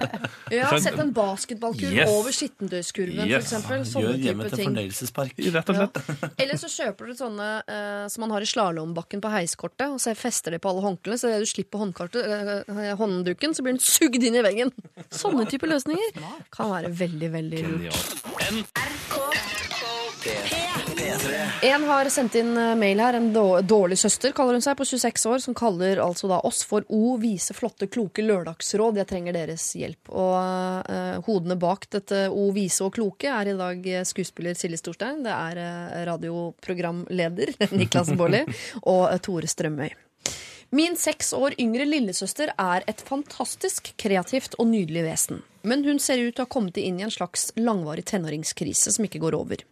Jeg vet det er vanskelig å vokse opp, eh, og jeg sliter med det sjøl til tider, men jeg mener det er en grense for hvor lenge det er ok å slenge dritt til mormor på 88, forvente at pappa som, eh, stiller opp som personlig sjåfør, og være avhengig av mammas bekreftende blikk for om hun egentlig er pen nok. Litt av problemet er at hun ikke helt ser konsekvensen av det hun finner på. Hun har f.eks. utlevert både mamma eh, og sin beste venninne live på Lørdagsrådet tidligere. Ok, sorry, sier jeg bare på vegne av det. Lillesøster er en kunstnerisk og følsom sjel, men etter min mening er det ikke noen unnskyldning for å oppføre seg som en dust mot dem hun er glad i. Over til mitt problem. Jeg vil så innmari gjerne være en god storesøster, men klarer ikke å sitte og se på når hun oppfører seg slemt og til tider respektløst. Så jeg sier ifra, og jeg har prøvd ulike varianter her, men om eh, jeg så kommer med bare et bitte lite hint, går hun helt i vranglås, kaller meg moraliserende, lillemamma, og forteller meg at jeg er en drittsekk, for så å returnere til å poste selfies på Instagram. Jeg føler at uansett hva jeg gjør, så blir det feil. Så det jeg lurer på er, hvordan kan jeg være en god, støttende storesøster uten at jeg må sitte og se på at hun kaller mamma en bitch? Hilsen dårlig søster 26. Og Storesøster er 26, lillesøster er da eh, 20 etter mine beregninger. Eh, og eh, storesøster er ønsker å oppdra lillesøsteren sin. Jeg tenkte vi kunne bare ta en liten runde på hva vi har av søsken, vi som er rådgivere i dag. Silje, er du, eh, hva slags søsken har du? Jeg har lillesøster som er to år yngre, og Ja. storebror som er eh, fem år eldre. Så dette er nok et problem du uh, kjenner deg igjen i? meg eh, Faktisk jeg, Nei, ja, jeg kjenner meg egentlig ikke så veldig igjen i det. Det Nei. skal jeg ærlig innrømme. Men, Men Du er, men søs, søsken er jeg. Mm, Søsken har du? Det kan jeg kjenne meg igjen i. Åssen er det med deg, Tore Strømøy? Jeg har en uh, tre år eldre bror, og så har jeg en tre år yngre bror. Ja. Så jeg er i midten. Så dere er dritten i midten, dere to. Yes. Åssen er det med deg, Niklas? Jeg er yngstemann. eh, har en storesøster på t- eh, som er to år eldre enn meg. Ja. Ja. ja. Har hun prøvd å oppdra deg på noe som helst tidspunkt? Nei, det har hun skjønt at det er ikke hennes oppgave i livet. Det fortalte jeg henne ganske tidlig. ok, greit. Eh, Så den beskjeden har hun fått. Den har jo egentlig dårlig søster 26 her også fått, men det virker som hun allikevel eh, vil fortsette å prøve å være en god og støttende storesøster. Hun, eh, hun har misforstått arbeidsoppgaven som storesøster. Eh, For det, jobben hennes er ikke å oppdra lillesøster, uansett hvor udregelig lillesøster høres ut til å være når hun kaller mora si bitch i en alder av 20, som jo for øvrig er helt uakseptabelt. Eh, Men det er allikevel ikke din jobb å være vanskelig eh, å si ifra. Du skal eh, være en hyggelig, støttende storesøster i problemer og sånn, du. Du skal ikke sitte og megle i familien og drive og vise pekefinger. For da kan du garant... Altså, det går ikke. Det, ingen storesøster kan ta den jobben og lykkes. Fordi dere er skapt for å hate hverandre i starten av uh, livet. Ja. Og så skal dere vokse inn i en stor kjærlighet.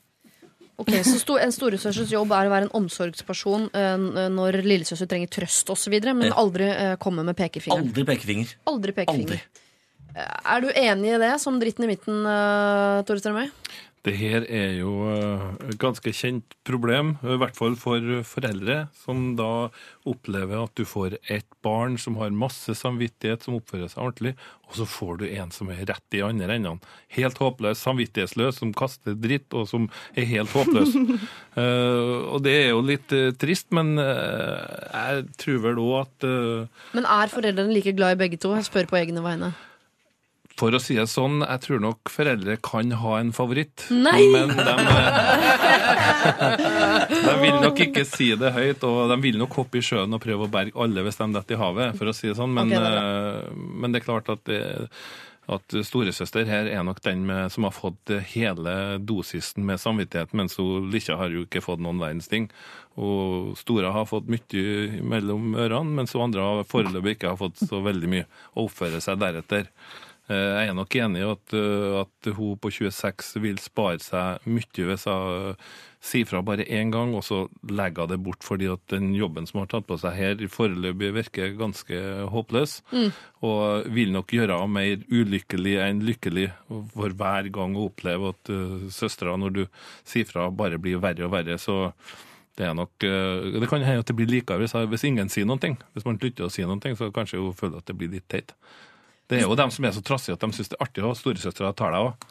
Så Ja. da eh, gjør du det enda mer. Ja. Det kan nok godt denne her, det høres ut som lillesøster her er av den trassige typen, så jeg også tror nok kanskje at uansett hva dårlig storesøster her prøver på, eh, så fungerer det mot sin hensikt. Men hvis dårlig storesøster ønsker, og hun takler å stå i dette her lenge, få dette med bitch og alt mulig slengt i ansiktet, så vil de jo kanskje komme styrket ut av det som søsken i andre enden der. Da ser jeg i hvert fall for meg det. Hvordan er det med dere i søskenflokken, Silje? Du, jeg tror at Selv om jeg er eh, som Tore, dritten i midten, så er jeg tror jeg helt klart den har, har vært den som har vært mest sånn eh, obsternasig og slamra med dørene helt klart mest. Um, selv og, og da fått tilsnakk av lillesøster og storebror. Ja. Uh, og vi er veldig, veldig nære. Veldig gode venner nå.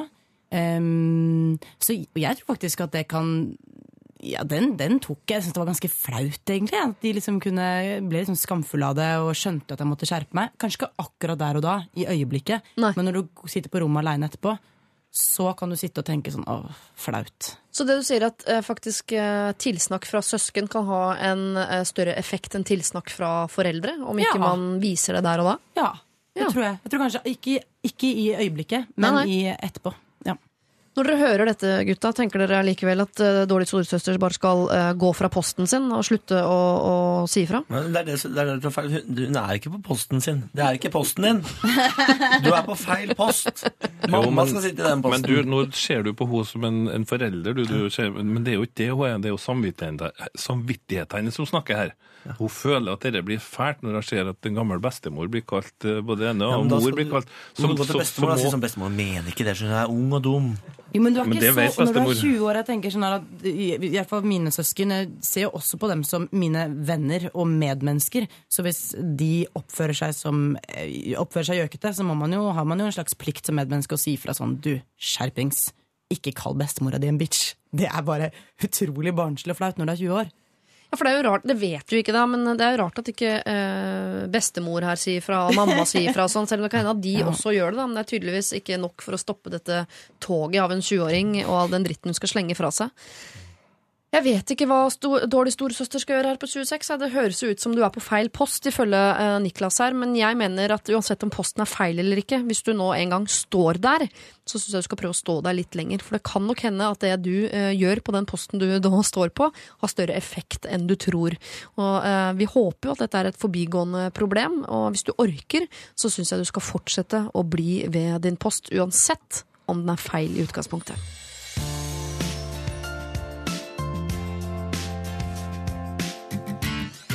Vi er i Trondheim eh, i dag eh, for å besøke Tore Strømøy. Vi har altså tatt toget opp hit for å besøke deg, Tore Strømøy. Ja, jeg er rørt, Ja, faktisk. så fint. Og så var det jo flaks for oss at du allerede var her, eh, Niklas Baarli. Ja. Mot din vilje. Må, ja. Ja. Jeg får betalt for å være her, så det er greit. Ja. Og at du også, Silje Storstein, er innom for en periode. Det setter vi veldig pris på. Men nå skal vi kanskje en tur til Bergen.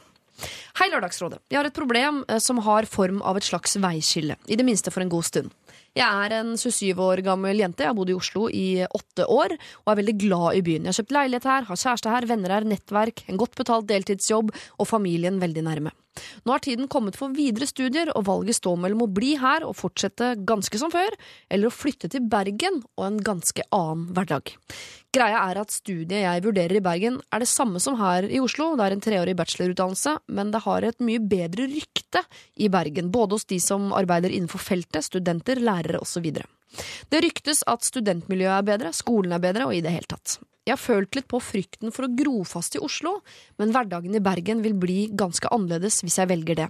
Jeg må tilbake i kollektivlivet, jeg er uten kjæresten, jeg må eventuelt ta en dårligere betalt jobb og muligens jobbe mer. Eh, og jeg har noen vagt bekjente i Bergen på den samme skolen som jeg da eventuelt skal gå på, men jeg er redd for å bli ensom og ikke trives, og for at det skal regne hele tiden. Jeg tenker på eh, om dette er sjansen min til å komme meg ut av Oslo før jeg plutselig en dag bor med kjæreste og er gravid, eller hva vet jeg. Har dere noen råd til meg, kall meg Kara. Altså, Kara her er jo, ser jo både pluss og minus ved begge deler. Virker som hun er litt redd for Bergen, men så er hun også redd for å gro fast i Oslo eh, og, eh, med typen og alt det medfører. Hva tenker, eh, hva tenker vi? Skal hun bli i Oslo eller reise til Bergen? Her sitter vi med all makt. Kjenn litt på det, folkens. Hva tenker du, Tore? Jeg vil reise til Bergen. Reis til Bergen. Ja, jeg har bodd i Bergen et par år, flytta fra Trondheim og, og var der en stund. Og eh, en fantastisk by. Eh, veldig artige folk. Eh, så jeg ville nok ha prøvd det. Og hvis jeg er fra Oslo, da, så, så tror jeg det vil eh, gi henne en opplevelse som hun vil kunne ta med seg og nyte godt av resten av livet. Så jeg ville ha dratt. Noen nye impulser. Rett og slett. Og det er en flott by. Bergen er en fantastisk by. Ja, det må vel, Ved siden av Ålesund så er det vel den vakreste byen vi har. Ja, det er det nok, men eh, jeg, jeg, jeg reagerte litt på det at jeg var redd for at det regner hele tida, for det gjør det jo nesten. Men, men det blir du vant til. Når jeg gikk der, så, da jeg bodde der, så begynte jeg å utvikle gjeller og liksom pusta i vann. Så, så, det, så det du tilpasser jeg. Men det er en kjæreste oppi dette her som bor i Oslo og blir nok boende i Oslo. Kan du, som jo befinner deg i et avstandsforhold, Niklas, kan du uh, bifalle at det er en god idé? Ja, uh, vi har et avstandsforhold som skal vare i to år. Han skal bo to år i utlandet. Eh, vi er nå gjennom det første året. Eh, og uh, jeg vil si så langt har vi kommet styrket ut av det, fordi du lærer deg å savne litt og sånn, og kjenne litt på at det var jo Det er digg å bo sammen, men eh, herregud så digg det er å savne noen innimellom også. Slipper jo det jævla rotet ditt, blant annet. Ja, han slipper det. Jeg, jeg, jeg, ser jo helt jævlig ut hjemme hos meg, så jeg savner jo ryddinga hans. Uh, Men nei, sånn helt oppriktig så mener jeg at og det å bo litt fra hverandre kan gi litt ny energi i forholdet. Ja. Og det er veldig mange som sier sånn Herregud, altså, for det verste jeg har vært med på, jeg skjønner jeg ingenting av. For jeg, det er helt konge foreløpig. Ja. Virkelig.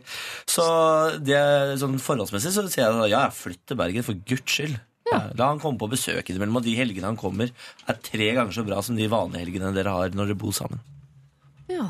Hva tenker du, Silje, som nå har flytta til Trondheim for en periode? Og, eh, det vet jo ikke jeg, men jeg tipper at ikke du hadde et enormt nettverk og masse venner og familie her oppe fra før. Nei, da, jeg syns det også, jeg er egentlig ganske enig med mannfolka her. At det er, det, det er å ja, riste litt løs og bare prøve noe nytt. Og spesielt når da dette studiet hun har lyst til å gå på, virkelig er At hun har inntrykk av at det er mye bedre. Eh, og det er tre år, det går fort. Eh, ja, jeg syns det virker som en god idé. På Bergen, flott by. Ja. Nå fikk jo Bergen er veldig veldig glad nå, for nå ser vi jo så mye positivt om eh, Bergen. Og det er vel eh, ingen her som har nevnt noe som helst negativt med noe som helst som har med Bergen å gjøre. Så ser jeg ikke for meg noen annen løsning enn at Kara selvfølgelig skal eh, flytte til Bergen. Og de tingene som virker skummelt nå, det er jo folk ting som på sikt kommer til å ordne seg. Ordner det seg ikke, så er det jo ikke sånn at toget bare går én vei. Det går an å sette seg på toget tilbake igjen også til Oslo hvis det viser seg at Bergen er helt forferdelig for deg. Du har ikke nå egentlig tatt et valg for de neste tre årene. Du har tatt et eh, valg, og så får du ta og revurdere sånn til stadighet. Og tre år i avstandsforhold, det kan rett og slett bare være en liten piff, det. Ja. I hvert fall ifølge uh, Niklas her. God tur til Bergen, da! Dette er På tirsdag denne uken her, eh, dere, så var jeg en tur i Bodø og hadde en eh, variant av Lørdagsrådet der for studentene i uka på Bodø. Jeg hadde med meg Per Sundnes, Sandra Lyng og Erlend Osnes. Og der dukket det opp et problem som jeg følte at vi ikke kom helt i mål med. Altså Vi fant ikke noen eh, umiddelbar løsning på problemet. Derfor så tenkte jeg at dere også skulle få lov til å prøve dere en runde på dette her. Jeg må gjenfortelle det, rett og slett, fordi det altså, dukket opp der og da. Det er en jente som er i et forhold med en gutt som hun elsker overalt på jord. Det er den perfekte mannen for henne. Alt er bra. Eh, altså dagliglivet, eh, eh, det seksuelle. Alt er liksom sånn som det skal være. Han har jo da en mor og en eh, far som de tilbringer noe tid med, og problemet hennes til denne jenta er at hun eh, tenner altså så seksuelt på sin svigerfar. Eh, hun eh, liker han ikke noe særlig som type. Hun drømmer ikke om å eh, noensinne skulle gjøre noe med han, verken eh, på den ene eller andre måten. Altså, hun er ikke forelsket i han. Det er nesten så hun ikke liker sin svigerfar. Men han, og hvis jeg husker ordlyden riktig, gjør noe med henne. Som en gang hun er i nærheten av han, så føler hun seg som et dyr. Og det eneste hun klarer å tenke på, er at hun har lyst til å slåss med han eller ligge med han. Og denne eh, energien her bruker hun altså på den måten at hun bruker det eh, i senga med kjæresten sin. Eh, som jo, det vil jo si at det gagner kjæresten hennes, denne seksuelle energien. Eh, men hun eh, vet jo at han kan aldri få vite hva det er hun egentlig tenker på. Eh, og hun er redd for at han skal mistenke noe, fordi de har alltid mye bedre sex etter å ha vært på besøk hos svigers. Eller aller best hvis de er hos svigers når det foregår. Da er det på sitt aller, aller beste. Det hun trenger, er en velsignelse til å fortsette å bruke sin svigerfar som en slags sånn, uh, som en inspirasjon uh, i senga med typen sin. Eller så trenger hun streng beskjed fra oss om å slutte å tenke på svigerfaren sin. Og hvis det er beskjeden hun får, så må hun også få en oppskrift på hvordan man slutter å tenke på de tingene man faktisk tenner på der og da. Ehm, nå skal jeg ikke spørre Silje Storstein om du det har noen erfaringer med dette. det syns jeg vi skal holde for oss selv. Men eh, er det noen som allerede nå tenker at de har lyst til å gi en velsignelse eller en eh, streng beskjed om å slutte? Så er eh, åpen mikrofon. Jeg går rett for velsignelse, ass. Ja, det gjør jeg òg. Ja, ja, ja. helt, Helt klart. Ja. Jeg tenker, hvis du skal slutte, Hvordan skal den slutte? Og liksom, hvordan skal man gjøre det? Skal man, da vil jo sikkert bare forsterke det, tror jeg. Hvis hun skal gå inn og bare holde igjen, holde igjen, holde igjen, så vil hun jo bli, sikkert bli enda mer Omfavn. tent. Omfavn, Ikke ligge med han, det er ikke det jeg sier, men, men omfavne jeg er, ikke så, jeg er ikke så sikker på at jeg er enig at hun ikke skal ta det opp med kjæresten. Jeg. Nei. Det er kanskje eh, en litt klein samtale å ta. Og han har nok kanskje Han trenger nok kanskje en litt av tur på byen før jeg liksom har fått jobba seg gjennom det. Men så lenge hun er ærlig om det, og de kan liksom være trygge på at hun aldri liksom kommer til å liksom kaste seg over svigerfar, så kanskje han eh, får gå for rollespill. Nei, det er jeg usikker på om man skal si det. Altså. det er, Er du det? På. Ja. Hvorfor Ja, vet du hva, Det lurer jeg på om dere skal få lov til å tenke litt Ja. på. Jeg skal problematisere det, og så skal dere få lov til å tenke før dere sier noe mer om det. For idet han blir klar over at hun tenker på faren hans, så begynner han å tenke på faren sin, og da dukker mora opp. Og da eh, blir dette her Da begynner det å ligne på noe som er veldig, veldig enkelt. Eh, ekkelt, ikke enkelt. Absolutt ikke enkelt. Tenk litt på det mens vi hører eh, Phoenix, og så skal du få lov til å Hvis du mener det samme etter at vi har hørt Phoenix, eh, Niklas, så skal jeg ta det alvorlig. Jeg lover. Greit. Dette er er P3. Eh, Phoenix er ferdig med sin Everything Is Everything, og jeg må jo bare gå rett på deg her, Niklas. Har du tenkt deg om? Mener du fortsatt, uh, som du sa før den låta, at denne jenta skal eh, si til kjæresten sin at hun tenker på faren hans når de ligger sammen? Ja, men eh, jeg, fordi, og grunnen til er eh, Hun er jo sammen med sønnen til denne mannen hun er så tent på. Ja. Og han speiler sikkert masse av faren sin, så hun kan begrunne det med det. Eh, jeg ser eh, så mye av faren din i deg, så innimellom kan det faktisk, eh, så blir jeg litt sånn gira av å se faren din. Men jeg ser enda mer av faren din i meg. Så I hvert fall 20 cm av faren din i deg. ja, nei, unnskyld, fortsett. Ja, og så da tror jeg liksom For da kan han tenke sånn Ja, det er jo ikke så unaturlig at jeg har mye faren min har, og kanskje Men jeg vet ikke om jeg, jeg skal være 100% ærlig. Men fordi hvis hun er sånn halværlig, så kan hun i hvert fall benytte seg litt. Uh, og da kan du kanskje gjøre uh, noe bra. Da. da får du brukt den seksuelle energien som oppstår. Uh, selv om du, og, og da er du ærlig, og mannen kan være med på det. Du var veldig enig med Niklas innledningsvis her, Tore Strømøy, på at eh, hun fikk eh, velsignelsen. Er du enig i dette? At kjæresten skal altså uh, dras med inn i dette grisete universet? Nei. Uh, og det er noe jeg har, tenkt på mange ganger. Det, det der at vi er i stand til å tenke ting Vi, vi ser ting, vi ser film, vi kan øh, innbille oss masse ting, og så er det ingen som verken hører eller ser det.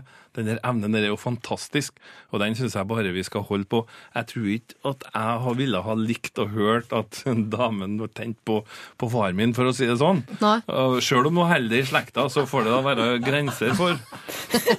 Og, eh, og, et, og, grunnen til, en annen grunn til at jeg ikke bør si det, det, det tror jeg at det kommer til å gå over hvis jeg er sammen med når far begynner å bli litt gammel, og sånn, så, så, så går det nok over av seg sjøl. Så, så, jeg- mener at hun skulle ikke si det, og hun skal bare kose seg med den der hemmelige verden sin, for den skader jo ingen. Når du sitter sånn, Alle har vi sånn. Vi, vi, vi, og Det er der vi må leve ut fantasi og alt mulig. Det, det er vår hemmelige verden, og den skal du aldri åpne for noen. I det øyeblikket du begynner å fortelle alt det, da, eh, da er det trøbbel. Men så er det jo ofte sånn at idet man deler en fantasi, så går fantasien faktisk over, fordi da er magien borte. Så hun kan jo uh, bli kvitt dette her ved å si det til typen, da, men ø, risikoen er at hun mister typen også. Hva tenker du, Silje? Nei, jeg satt akkurat og tenkte på det du sa, at det kan hende at man ufarliggjør hele greia ved å snakke om det høyt. Um, men allikevel, da tror jeg du skal oh, Da kan du i hvert fall ikke si at du blir et villdyr, og at du tenner mer på pappa enn på sønnen. Det er jo eh, jeg, jeg vet ikke. Kan du si det til svigerfar, da, eventuelt? Åh, det er skummelt, da. Lek litt med tanken. Åh, nei, nei, nei, nei, nei, skal jeg dra inn han nå? Nei, det må du ikke finne på. Jeg, Det- tenk om han responderer på det, og plutselig så skjer det noe greier. Ja, nei, det går, det går jo ikke, for du kan jo aldri ende opp med å ligge med svigerfar. Da er, jo, da er jo alt ødelagt. Da absolutt alt ødelagt, jeg er helt enig. Så, men jeg, er, jeg mener fortsatt at du kan uh, si det til typen. Ass, være sånn halværlig. Jeg er helt enig at du ikke, kan ikke si sånn 'jeg ble et villdyr når jeg ser faren din'. Men du kan jo snu på det. Tenk deg, men far begynner å fortelle det at han har de samme tankene om da, da, hun- venninna til ja. sønnen. Det, du Det ville ikke ha likt å høre det. Ja, nei, er- ikke sant? Du, du, du hadde ikke blitt litt stolt og sagt 'oi, liker du deg så godt, far'? Når han har begynt å rente ut med fantasiene sine. Jeg Jeg tror blir ikke villdyr når jeg ser det. dama di. Ja. Og jeg tenker bare på, ikke sant? Nei, nei, nei. Vi er jo veldig ofte å, øh, øh, altså prøver å slå et slag for åpenhet og ærlighet, og at man skal konfrontere og si ting og sånn her i Lørdagsrådet. Men jeg lurer på om dette er en av de få situasjonene i verdenshistorien hvor det kan være greit å la en fantasi være en fantasi. Eh, og hvordan man blir kvitt fantasier. Det er jeg jammen ikke sikker på, altså. Det er jo uh, nettopp ved å si det høyt, da, men det har vi allerede på en måte uh, nå sagt at vi øh, skal ikke gjøre. Men har, er det noen andre måter å bli kvitt en fantasi på? Å avmystifisere en fantasi? Hvorfor skal du kvitte deg med fantasier? Fordi man må få lov til å slutte å tenke seksuelt på svigerfaren sin. For en byrde det må være. Jo, men hvis du begynner å ta livet av alle fantasier, så, så stopper jo fantasien din å jobbe. Da blir det jo kjedelig etter hvert. Man må byttes ut med noe annet, da. Ja, men det, det er kjempevanskelig. Jeg, det, jeg skjønner at dette er et spørsmål dere ikke fant svaret på forrige runde. For det er jo Ja. veldig vanskelig å svare på.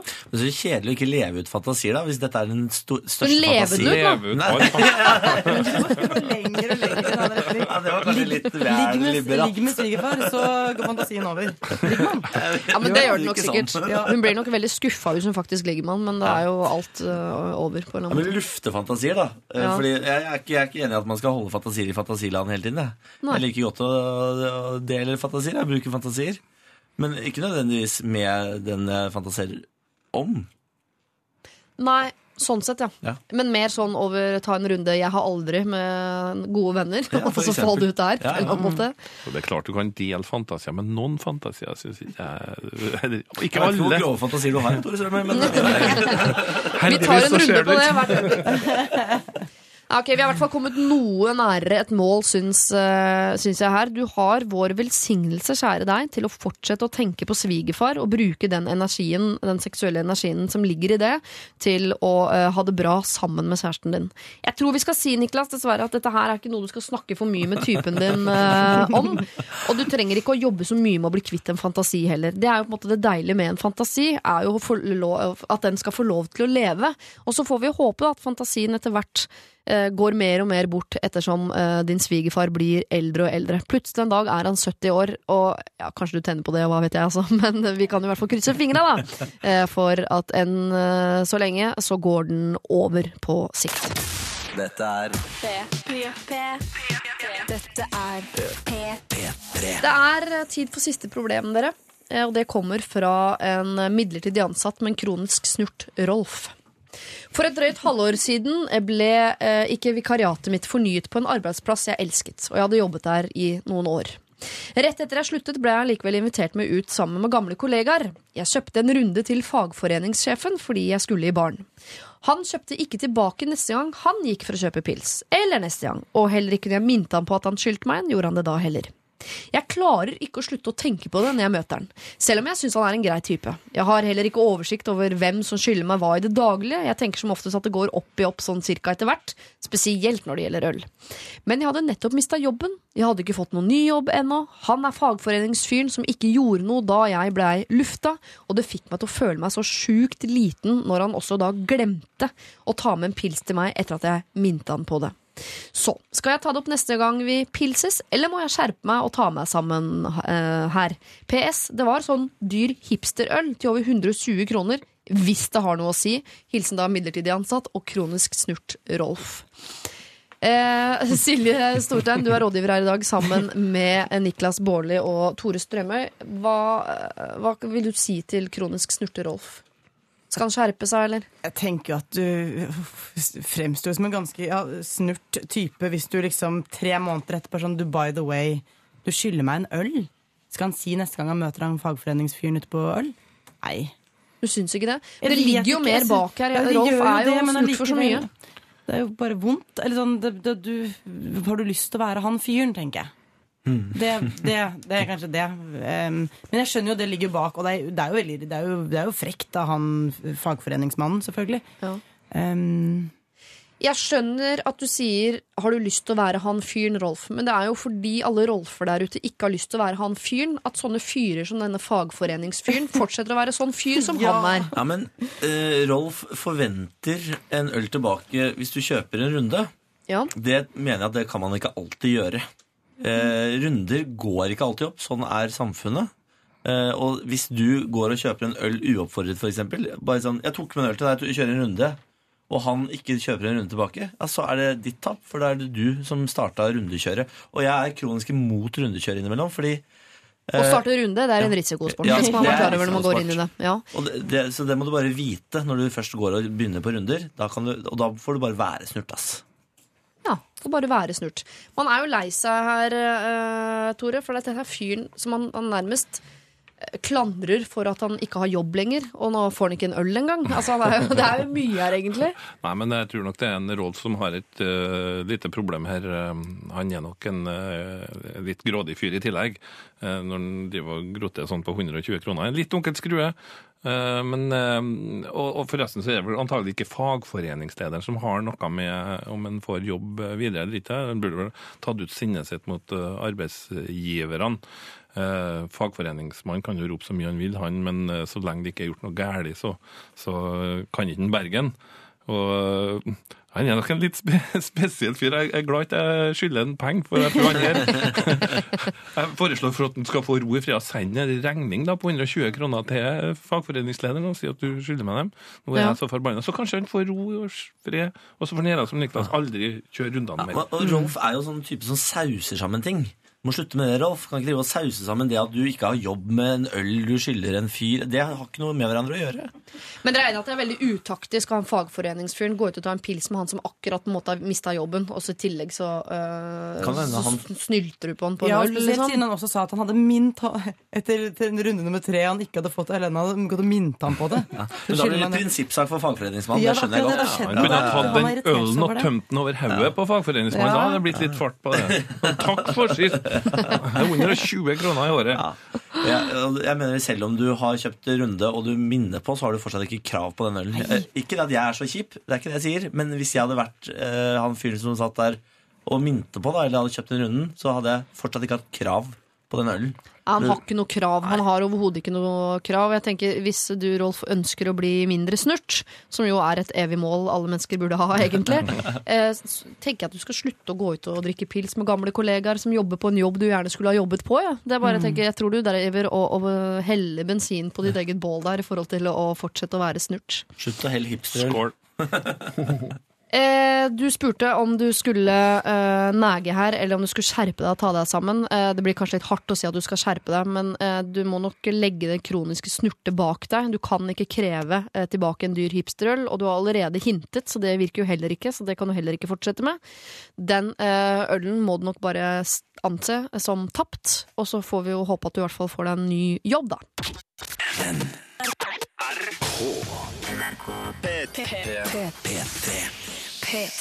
Da dere har tiden kommet uh, dit uh, hvor vi skal dele ut en Lørdagsrådet-kopp. Uh, Silje Storstein, du har aldri delt ut en Lørdagsrådet-kopp før. Det er heller ikke du, Tore Strømøy. Niklas, du har jo fått delt ut en to, tre, fire stykker. Down the line. En. Ja. Én? Ja, ja, ja, dette er mitt andre besøk til Lørdagsrådet. Er det sant? Ja. Ok, Da beklager jeg det på det sterkeste. Ja, det går ikke bli snurt. I hvert fall ikke kronisk. Ok, dere. Hvem skal få koppen? Jo, det står eh, mellom eh, denne bekymrede vennen av eh, Mia, som har en kjæreste han mener ikke er god nok for henne. Eller paret som har arvet en båt med masse affeksjonsverdi, men som de ikke ønsker å beholde. Og så har vi jenta som er eh, ja, så vidt i gang med å bli del av en jentegjeng, men en av jentene i gjengen liker henne ikke. Eh, Og vi har jo bedt henne om å konfrontere den jenta. Det er ganske tøft. Så har vi hun som er usikker på om hun skal fortsette å skjule at hun har ADHD, eller om hun skal stå frem med det. Det har vi jo bedt henne om å gjøre. Stå frem med det. Så har vi Mona, da, som er en rotekopp, men prøver så godt hun kan og vil at typen skal slutte å nege. Og der har vi jo altså funnet eh, den gylne middelvei, middelvei for dette paret. Det er jeg imponert over. Så har vi storesøster, eh, som ønsker å være en god storesøster for sin seks år yngre søster, som er i en eller annen vanskelig periode. Eh, vi har sendt en dame til Bergen. Skal hun få en kopp mon tro? Eller hva med hun som tenner på sin svigerfar og bruker denne seksuelle tenningen i sengen med altså da sønnen? Eller til slutt kronisk snurte Rolf, som har spandert øl på en fagforeningsfyr, eh, og han nekter Eller han nekter ikke, men har i hvert fall ikke kjøpt øl tilbake, da. Så langt. Hvem fortjener kopp? eh, Jeg tror i hvert fall Rolf blir mest glad for den. Ja, det var det som slo meg. Å gi det til en Rolf, så den er vel verdt omtrent 220 kroner, den der. ikke sant? Jo, Veldig sjelden kopp. Det var. Så eh, kanskje 130 òg. Ja. Og så den- kan jo potensielt få masse affeksjonsverdi. Det er et eller annet sted der. Han trenger trøst. Rolf er en eh, kandidat, altså. Hva tenker du, eh, Niklas? Jeg tenker at hun som tenner på svigerfar, fortjener en kopp hun kan ta og helle litt kaffe i og slappe litt av når hun ser svigerfar. Så jeg føler at hun fortjener den. Eh, For hun trenger, ja, hun trenger en kopp å holde i. Ja. Hun har ikke noe kontakt, kontaktinformasjon på, så i så fall så må jeg få det. Men uh, la nå ikke det være noe hindring. Jeg bare nevner det. Å nei, tenk når kjæresten spør deg hvorfor fikk du den koppen. Oi, oi, oi. Ja, det er sant. Hvor kommer den koppen Stryk det. Stryk det. Stryk det. Hun kan ikke få kopp på noe tidspunkt. Nei. Hva da med Rolf? Er du med på Rolf? Nei, du kan ikke få kopp fordi du er bitter. Det går ikke, fordi du er en sånn Kanskje han blir litt mer glad, da? Kanskje han blir en litt mer en... Greit. Han er jo- han har jo ikke jobb får engang. Rolf, så skal ikke jeg være bitter. Da får Rolf få kopp, da. Det er greit. Mann man er arbeidsløs i tillegg. Sikkert han har jeg kan råd til selge å på Finn. Vær så god. Ja. Så hyggelig da, Rolf. Da fikk du i hvert fall en kopp. Det er da uh, noe. Uh, En sutrekopp? Ja, nei, stakkar. Rolf, du er en uh, koppeier, rett og slett. Så det er, jo, det er da i hvert fall noe. eh, om ikke annet. Tusen takk til Silje, og tusen takk til Niklas, og tusen takk til Tore for at dere var rådgivere her i dag. Jeg ønsker dere en fortreffelig lørdag videre. Takk det samme. Til deg som eh, hører på, så har jeg følgende beskjeder å gi. Fortsett å sende inn problemet ditt til lralfakrøll.nrk.no, for de problemene vi ikke rekker i dag, ja, de tar vi i morgen. Altså ikke i morgen, da, men neste gang vi har Lørdagsrådet. Som ikke blir lørdag som kommer, da er det påske, eh, men lørdagen etter der. Så ikke gi opp, er det jeg prøver eh, å si. Vi har lagt ut bilder av dagens rådgivere på vår Facebook-side, så gå inn der og se hvordan vi egentlig ser ut. Og så vil jeg anbefale deg på det sterkeste å fortsette å høre på P3. Nå er det nyheter. På andre siden av det så kommer Rå og Osnes med sitt eh, radioshow direkte fra bryggekanten i Bodø. Takk for følget. P3. Dette er NRK P3.